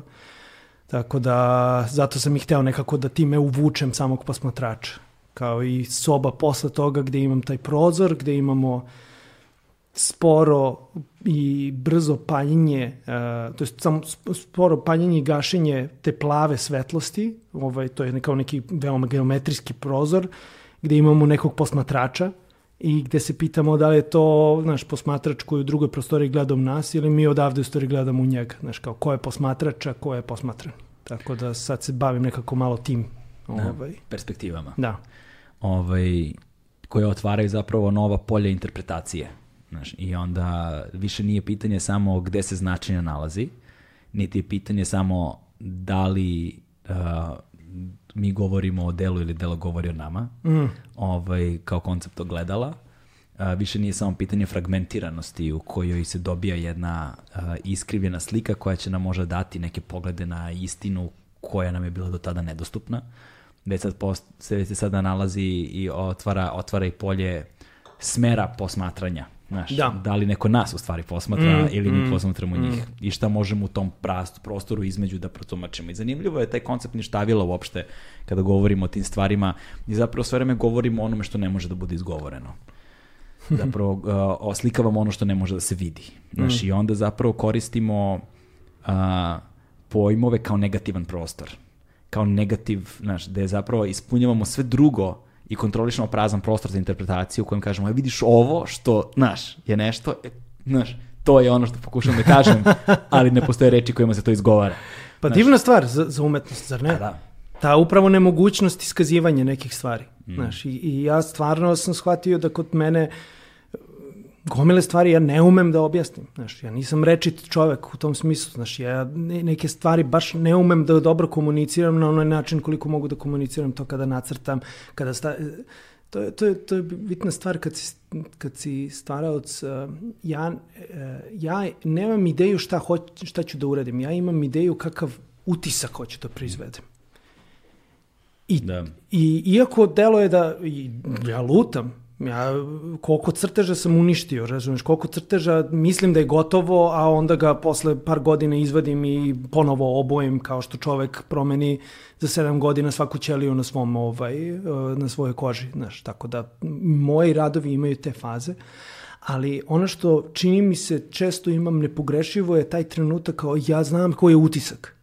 Ja kažu, pa dobro ti crtaš, man ne valja. Nije to ti još uvijek taj utisak da. koji hoću da proizvedem. Kao što kažu ljudi u istoriji međućih odnosa, ne pamtim šta se dešavalo, pamtim kako sam se osjećao. Nekako nam je ta, ta, ta sećanja koja je praćena uz emociju, ovaj, da ostaju snažni utisci koje nosimo kroz život kako smo se osjećali, a šta se tačno zapravo desilo, postaje maglovito, znaš, i otvoreno za interpretaciju.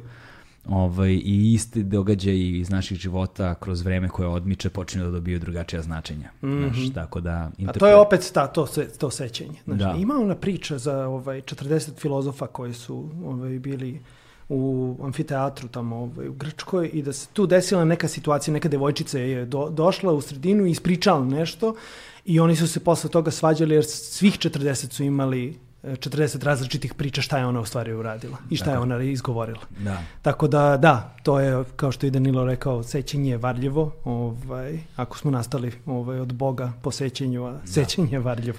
To je, to je ta uh, razlika između umetničkog jezika i ne znam, naučnog jezika s time da je jedan, to smo već pričali, denotativan, drugi konotativan. Mm. Znaš, umetnički jezik je konotativan i svaki segment tog jezika svoj svaki znak i označitelj, svaki simbol ima svoj spektar značenja i interpretacija koje mogu da idu svim smerovima i ne mora da bude ništa od toga. Mm.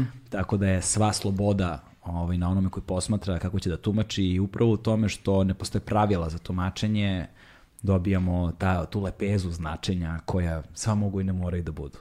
Um, to je ono što malo i ubija možda u postmodernom tumačenju stvari, zato što ono, anything goes, znaš, malo ubija određen mm -hmm. koncept, ali sve zavisi, znaš, kako, kako, kako, kako kome prija. E sada, um, u tom pokušaju, pokušaju da je is, iskažemo neizrecivo ovaj, i prikazivanje nemogućeg, u tom slučaju ništavila ili nekog straha prema tom ništavilu, ti zapravo sada počinješ da nagomilavaš taj jezik. Znaš, uh, imali smo crtež, imali smo kolaž, imali smo onda jedan fizički trodimenzionalni element u kojem se sad imamo i svetlo i planove različite i igru sa pleksiglasom i tu se sad već pojavljaju neka razigravanja danas ovaj, u, u formama i u oblicima i u kretanjima i u bojama. Mm. Ovaj, I u kom trenutku zapravo prelazimo ono sad na sledeći segment, sad to dobija uh, element igranja sa celim prostorom, mm -hmm. ovaj, koji postaje sastavni deo umetničkog dela koje se u njemu nalazi, jer ispovedonica ne bi izgledala onako da je ovde. Mm -hmm. Razumeš, mora da ima određeni ambijent u kojem se nalazi. Ovaj, kao i ona tamna soba sa mm -hmm. zavesom, ovaj, i kao, ali tu dolaze sad i video radovi, edite neke koje imaš monta, montažne sekvence, mm -hmm. koje su praćene određenim zvukom, audio-vizualnim doživljajem, kao i ona prostorija sa prozorom, mm -hmm. gde neko meso beše, šta li je, šta li je, mm -hmm. tako. Ovaj, u kom trenutku i na koji način se sustiču zapravo i počinješ da se baviš i audio i vizuelnim i, i kinematografskim u tom likovnom stvaralaštvu? A, pa ne toliko davno, u stvari. Znaš, mene je zanimljivo da sam prvu izložbu u Kragujevcu koju sam imao 2008. Ovaj, dok sam bio četvrta, ja mislim, ovaj, godina fakulteta, tad sam izlagao te grafike I potpuno sam bio zaboravio, ali gledao sam, naišao sam ono neki svoj intervju kao, znaš, ovaj, kao, koji sam davao tada i kao rekao sam, dosta bitan moment mi je što trenutno idu na zvučnicima uh, moja muzika koja pridodaje novu atmosferu ovim kao radovima. Ja sam, znaš, nekako sam smetno suma, ali još tada sam očigledno imao tu želju da imam taj segment uh, zvuka koji pojačava tu atmosferu. E sad, to jeste po meni na najvanilan način imaš kao dela i samo pustiš neku muziku, znaš, i kao daje neku atmosferu. Ali ovde implementiram to da je jednostavno muzika dosta mi je bitno da uh, obično ide obrnuto. Znaš, prvo uredim neko delo, vizuelno, i onda, pošto imam mali studio kao gajbi, mislim, ovaj, ovaj, ovaj mikrofon i kao par po, pojačala i gitare, uh, gledajući u stvari u, u to što sam uradio, pravim zvuk. Mm. Znači, pokušavam da u stvari proizvedem opet tu emociju ili taj, taj utisak koji oni daje, koje to vizualno daje sa, sa zvukom. Znači, dosta je, dosta je, mi je interesantno trenutno time da se bavim. Uh, jer kada ljudi uđu baš u tu tamnu prostoriju gde u stvari mogu da ono sami osvetle, jer to sada ubacujemo još jedan segment, znači umetničko delo više nije e, završeno, uramljeno i to je to, nego svaki put je drugačije. Svako, kako se ko bude igrao sa svetlošću, on pravi svoje umetničko delo. Znači ja sam samo, da kažem, baza neka na koju stvari posetioci mogu da nadograđuju. Znači ta prostorija je i kao ona ispovedaonica što ispovedanica u stvari uopšte nije bila na početku zamišljena tako. Znači, ja sam tu stavio tih pet ovaj, portreta na stalcima za mikrofon, koji svaki ima svoj zvučnik i svaki peva svoju melodiju, i koji je moj, naravno, glas, i oni prave u stvari jednu kompoziciju koja nema početak i nema kraj. Jer svaki ide u loop, jedan traje 3 minuta, jedan traje 7 minuta i onda svaki put kad uđeš je drugačija u da. stvari. Da. Ovaj, Nisu sinkronizovani u loopu. Nisu sinkronizovani da. u loopu. I onda se zapravo da. harmonije konstantno smenjuju tako i nisu dve puta iste. Tako je, tako da. je. Tako da i ispovedanica je u stvari postala tako zato što sam zaista kad tu ono, idem ovaj, izložbom i osjet, čujem nekog, nešto priča unutra sam sa sobom, neko se dere, neko je psovao. Znaš, ono, tu, su do, tu sam dovodio neke muzičare pa su oni improvizovali u stvari. I gde sam ja u stvari uradio svoj prvi vokalni performans, ovaj, baš u toj ispovedonici, gde je jedan poseban moment da ti u tim pleksiglasima reflektuješ samog sebe, a imaš taj, te poglede, taj, tu uprate ovaj, uh, jake ovaj, poglede koje nekako predstavljaju i osudu samog društva, ali koji su dovoljno daleko da bi ti mogao u stvari da se opustiš i da u stvari mm. zaista nešto ovaj kažeš. Tako da... Postoji određeno osjećanje zloslutnosti, strepnje, ovaj, koja odiše u svakoj od tih prostorija gde su zapravo bili ti audiovizualni radovi, audio-video radovi. Znači, i, i ova... Uh, s time da je u onoj sa prozorom postoji jedna anticipacija, strepnja, baš prava, ono, mm -hmm. naš, uh, koja je na ivici anksioznog napada. Zato što ima to crveno svetlo i taj plavi element i taj prozor mm -hmm. kroz koji zapravo gledaš u nešto, znaš, sad mm -hmm. on već nosi jedno značenje sa sobom. Činjenica mm -hmm. tu stoji prozor. Mm -hmm. Ovaj, šta sad te prozor govori, šta sad to što vidimo kroz prozor govori i šta pozicija sa koje stojimo govori o nama i o tom prozoru i o tome šta vidimo kroz taj prozor i ono to da. svetlo i ono taj zvuk u celoj toj jednoj mračnoj prostoriji ovaj, kao neki set iz nekog horror filma, znaš, ali, oni, ali jedna od onih nebanalnih u kojima je jako puno uloženo u production value, razumeš, pa set i tu nešto da bude strašno, nego mm. jedan od onih koji, koji bazira svoje koncepte na, na, na, na, stre, na, na iščekivanju, na, naš, na, na tom suspensu, kako ga zovu, da. znaš. Pa to je to što sam bio pomenuo, taj, eh, taj uh, prostor -hmm. tenzije. Mm -hmm. Znaš, u kom tako smo sagrađeni. Znaš, sagrađeni smo da kada čujemo da nešto šuška u žbunu, možda je predator i u tom trenutku smo svesni kao svega. Znaš, I u tom trenutku a, jače lucidnosti u stvari. Ja mislim da je jako plodonosno, plodonosne stvari možemo da, ove, zato dovodim posmatrača u to, to neko stanje. A zašto je toliko kao mračno, to što si pomenuo i zašto ima tu neku, ovaj, to neko osjećanje, ja mislim da je najbolje ono, ono što je Ljermontov rekao. On je rekao, uh, trebaju nam gorči lekovi da bi nam bilo bolje. Znaš, jer uh, slatkoća, sladunjavost nas čini tromim, debelim i lažno ušuškanim. A moji radovi su u stvari ta vrsta gorke medicine koje ovaj uh, iako jeste kao naš prvo malo taj prvi trenutak gorak i opor ovaj mislim da može da te da, da, da, da te načini da si u stvari u tom tenzičnom trenutku gde možeš u stvari da budeš najbolji ti u stvari.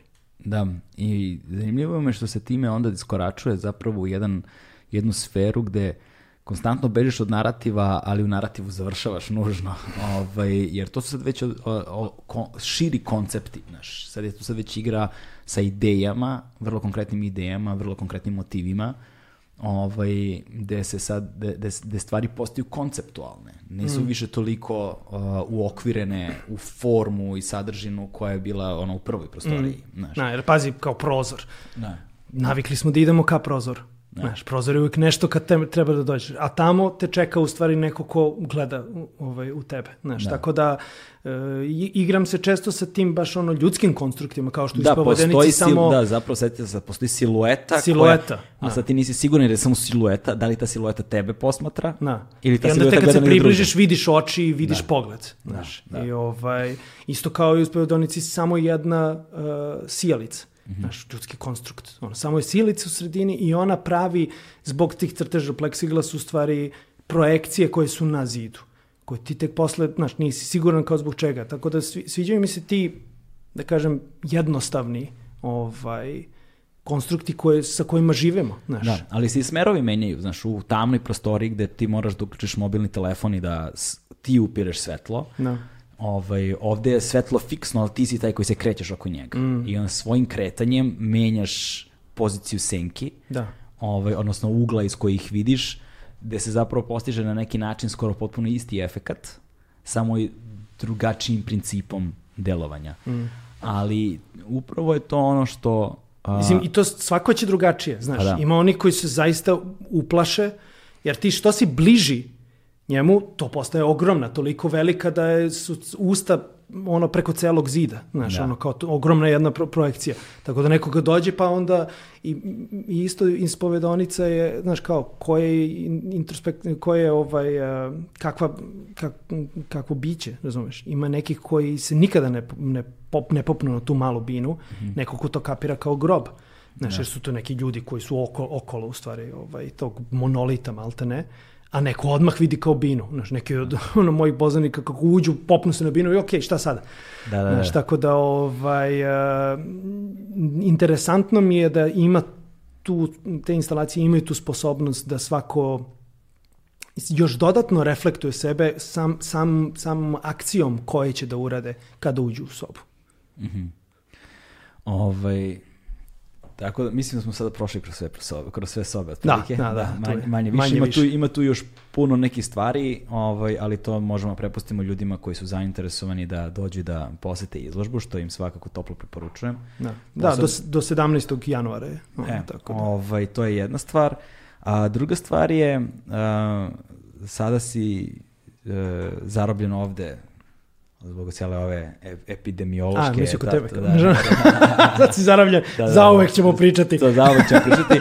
Uh, zanima me, ovaj, um, kakva je pozicija trenutno sad ono da uđemo u finalni deo razgovora malo um, uh, ti si jedan od redkih umetnika trenutno ovaj, koji uspeva da probije tu opnu umetničkog sveta zapravo i da probije negde u, ka, ka široj publici i ono, mediji su te dosta ispratili i ono znači, i pojavljivao si se i u ovim jasno vidljivim mainstream medijima da kažemo. Dakle pažnja je pa pri, uspeo si da privučeš pažnju ali negde mi deluje kao da umetnost ipak ostaje neg, u, u, barem u, ž- u, ono, u zemlji u kojoj živimo danas, u okolnostima u kojima živimo danas, ostaje negde u toj čauri ovaj, rezervisani za određeni društveni sloj.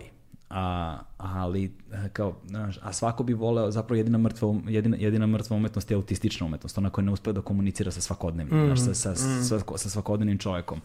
I ono što se dešava i sa književnošću, što se dešava sa, ne znam, klasičnom muzikom, ono što se dešava sa slikarstvom, ono što se dešava sa vajarstvom, sa skulpturom i sad tako dalje, je upravo ta vrsta hermetičnosti koja je sad pitanje da li je ona posledica društva i kao principa rada medijskog sistema u kojem živimo ili je to negde zapravo posledica samih zajednica umetničkih kolonija ovaj, koje stvaraju stvaraju ta dela. Znaš, negde zapravo ne uspeva da se komunicira sa svakodnevnim čovekom toliko da nam više ovakvi razgovori barem nisu deo svakodnevice. Znaš, s tebi jesu, ti si umetnik, znaš, ali, ovaj, ali, ali si ti Dobro, jesu da- i tebi, a ti m, ono, nisi kao ovaj umetnik, ali Daleko sam ti ja od umetnika, ovaj, voliš... Znaš, ono kao, dobro, ti sa ovim podcastom sad šta radiš, to je umetnost. Ma. Molim te, mani, Ne, ali ma, mani me toga. ša, šalu, šalu na stranu stvarno poštujem to, to što Znaš. radiš. I, to, i, i hoću da kažem, na ovaj način ti uvodiš malo ovakav razgovor, da treba da se priča o ovim stvarima.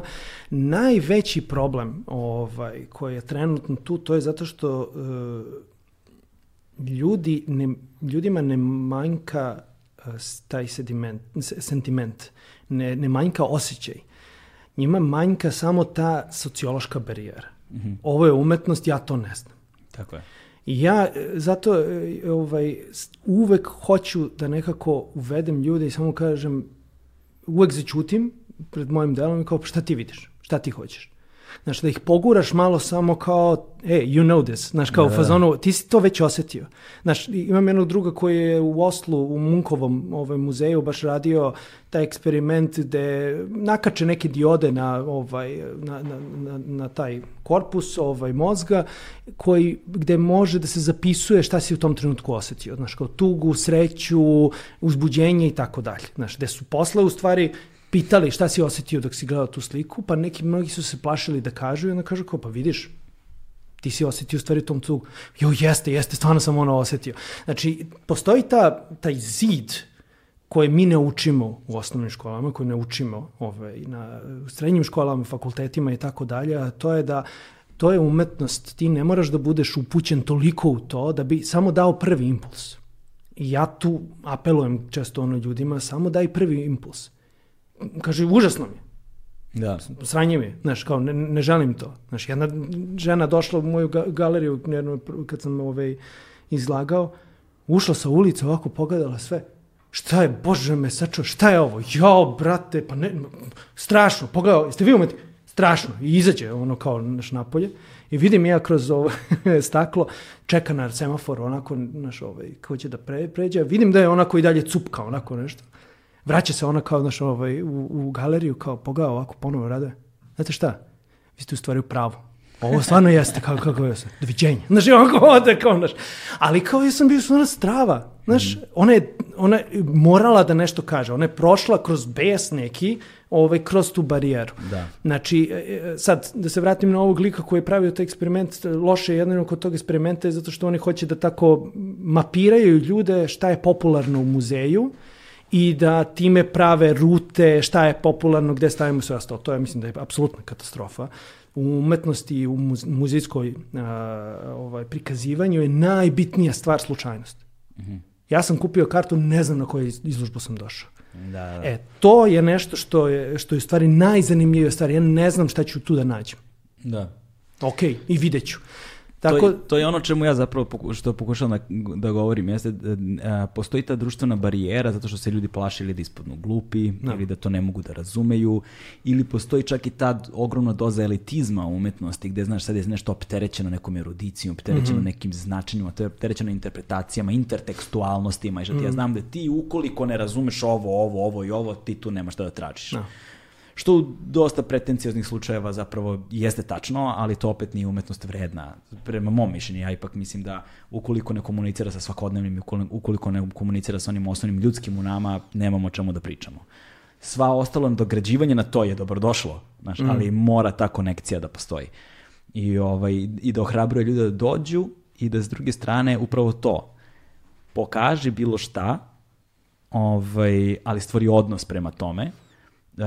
Ne, znaš, recimo, desio se onaj napad na ove, su beše crtači, je- bila je, jao bre, bila je ova izložba. Ovde kod nas? Kod nas, da. Da, da, de su- da, de su Mom, pol- momke, momci. De, de su polupali sve živo Jeste, i ne znam kao, znaš, i onda se tu i Ministarstvo kulture nešto javilo s nekom katastrofalnim nekim saopštenjem, gde su zapravo u jednoj rečenici optužili napadače, a onda u celom tekstu optužili umetnike. Da, da, da.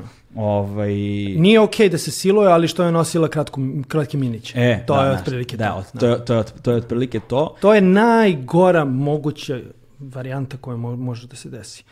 Znači, onako kako bi trebalo da se radi, to je da ministarstvo kaže bilo kakav napad na bilo kakvu uh, in, uh, uh, uh, in- intelektualnu svojinu je pogrešno. Je napad i uh, uh, strašna stvar da se uradi. Da. Tačka. A anonimno pošalju toj galeriji, izvinite, ali bilo je nekih pobuna, da, e, pogledajte vaš likovni savet, da li je to u redu i daš mu nekoliko puta da napravi istu grešku. Da, da, da. To uopšte nije greška, da se razumemo. To što ovaj, to predstavljalo neku, ali meni je to iskreno malo i sumnjivo, da je zaista e, 15-godišnjaci koji su ušli, bacili suzavac e, zato što su iz fazona meni se ne sviđa e, beba sa sekirom u glavi, malte nekamo sreće da imamo tako mlade koji idu na izložbu i toliko burno reaguju, razumeš, kao za te stvari. Mislim, znaš, kao, ono kao, ok, nemoj to da radiš, ali kao svaka čast što ideš na izložbe.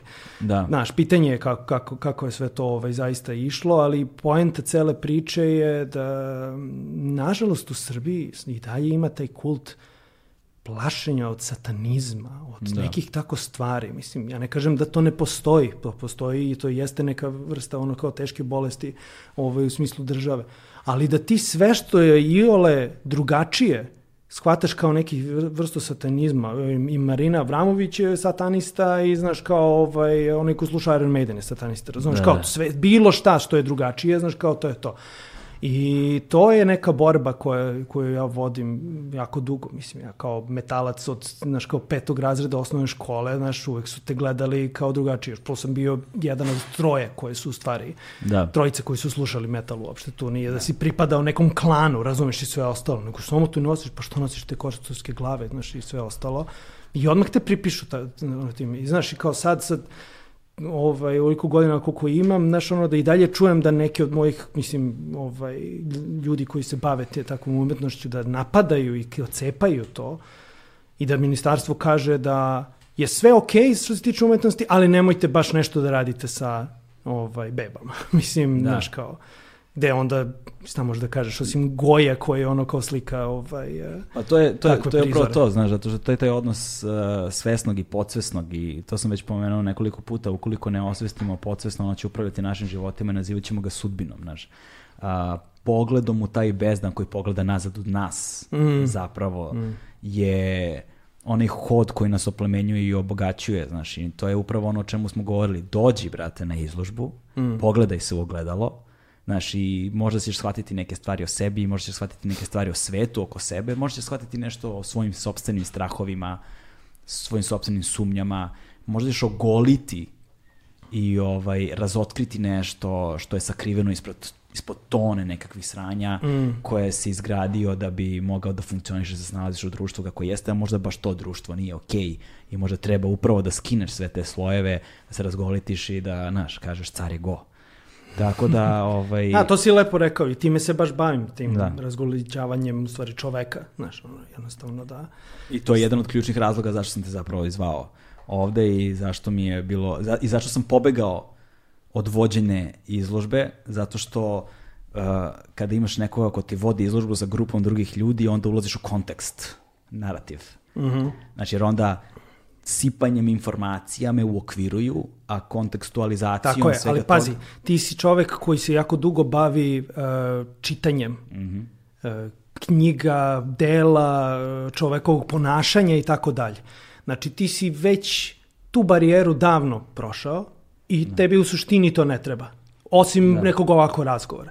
A kada držim vođenja, možda jeste malo čudna bila situacija što imamo i umetnika i istoričara umetnosti i tu se kopka. I to sam da, da. uradio jedan puta i neću više, znači ili ja držim vođenje ili samo istoričar ove umetnosti, jer e, previše priče, to je, to je, to je poenta. E, moja vođenja čini mi se da su dosta dobro ovaj prihvaćena baš ovaj u muzeju od ljudi koji mi jednostavno priđu posle jer sam uspeo u stvari taj, tu sociološku barijeru da pomerim, jer dovoljno kažem neke stvari, a dovoljno ostavim na to da je u stvari lepota to, u oku to. posmatrača i onda oni kao, uf čoveče, sad ću da dođem još jedan puta da vidim na tenane sve i da vidim ono, još jednom ono vizurom. Tako da vođenje su tu više da nekoga uputiš i kažeš čoveče, you know this. Znači da, kao, da, da. opusti se i kao, sad malo ću samo da te uvedem u to I uh, tu je samo razlika, znaš, da. ti, si, ti, ti suviše imaš tu želju da ovaj sam pročitaš neke stvari, što je super. Da. Hm. Ovaj, zato što se iscrpljuje, ne iscrpljuje se značenje iz onoga što ti se saopšti i stvara se nova barijera kada se postavi okvir unutar kojeg treba da razmišljaš. Mm. A fora je ono, fire at will, znaš, pucaj na sve strane, mm -hmm, mm -hmm. ne ćeš ukačiti sam nešto što možda niko drugi nije ukačio. Ovaj, Vladimir Lalić, muzik grada Beograda, izložba traje do 17. januara, ali ne sumnjam ja da ćemo mi tebe još puno gledati i slušati u najrazličitim oblicima. Hvala ti puno što si došao uh, kod nas, što si došao u naš podcast, hvala ti puno na pričama koje si podelio. Uživao sam u tvojoj izložbi, uživao sam u ovom razgovoru i nastavit ćemo da se družimo. Hvala puno na pozivu i ovaj, na gostoprimstvu u tom novom domu. E, da, kad smo kod toga, ovaj, Šta? Teo sam da ti poklonim jedan crtež. O, divno, divno, ovaj, divno, divno. Ne dolazi se u kuću, jel da, praznih ruku, tako da, ovaj, Sjajno. eto, hteo sam ovaj, jedan mali crtež da ti poklonim. Odlično, odlično. Ovo me podsjeća na onu koja visi iza prozora. Jest, jest. Dosta sam ovaj, da, da, da. da. Sjajno. Tako da je, osetio sam da ti je to, ovaj, ti se svidelo, tako da jeste, je to jeste. Hvala neki od puno. početnih ovaj. Hvala ti puno, završit će ovde negde u prostoriji, pronaćemo mesto. Dobro mesto. Hvala ti puno, hvala puno svima koji su nas pratili, slušali i gledali.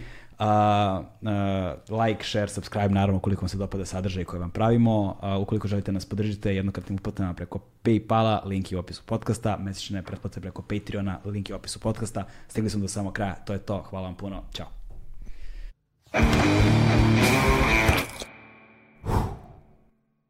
Hmm.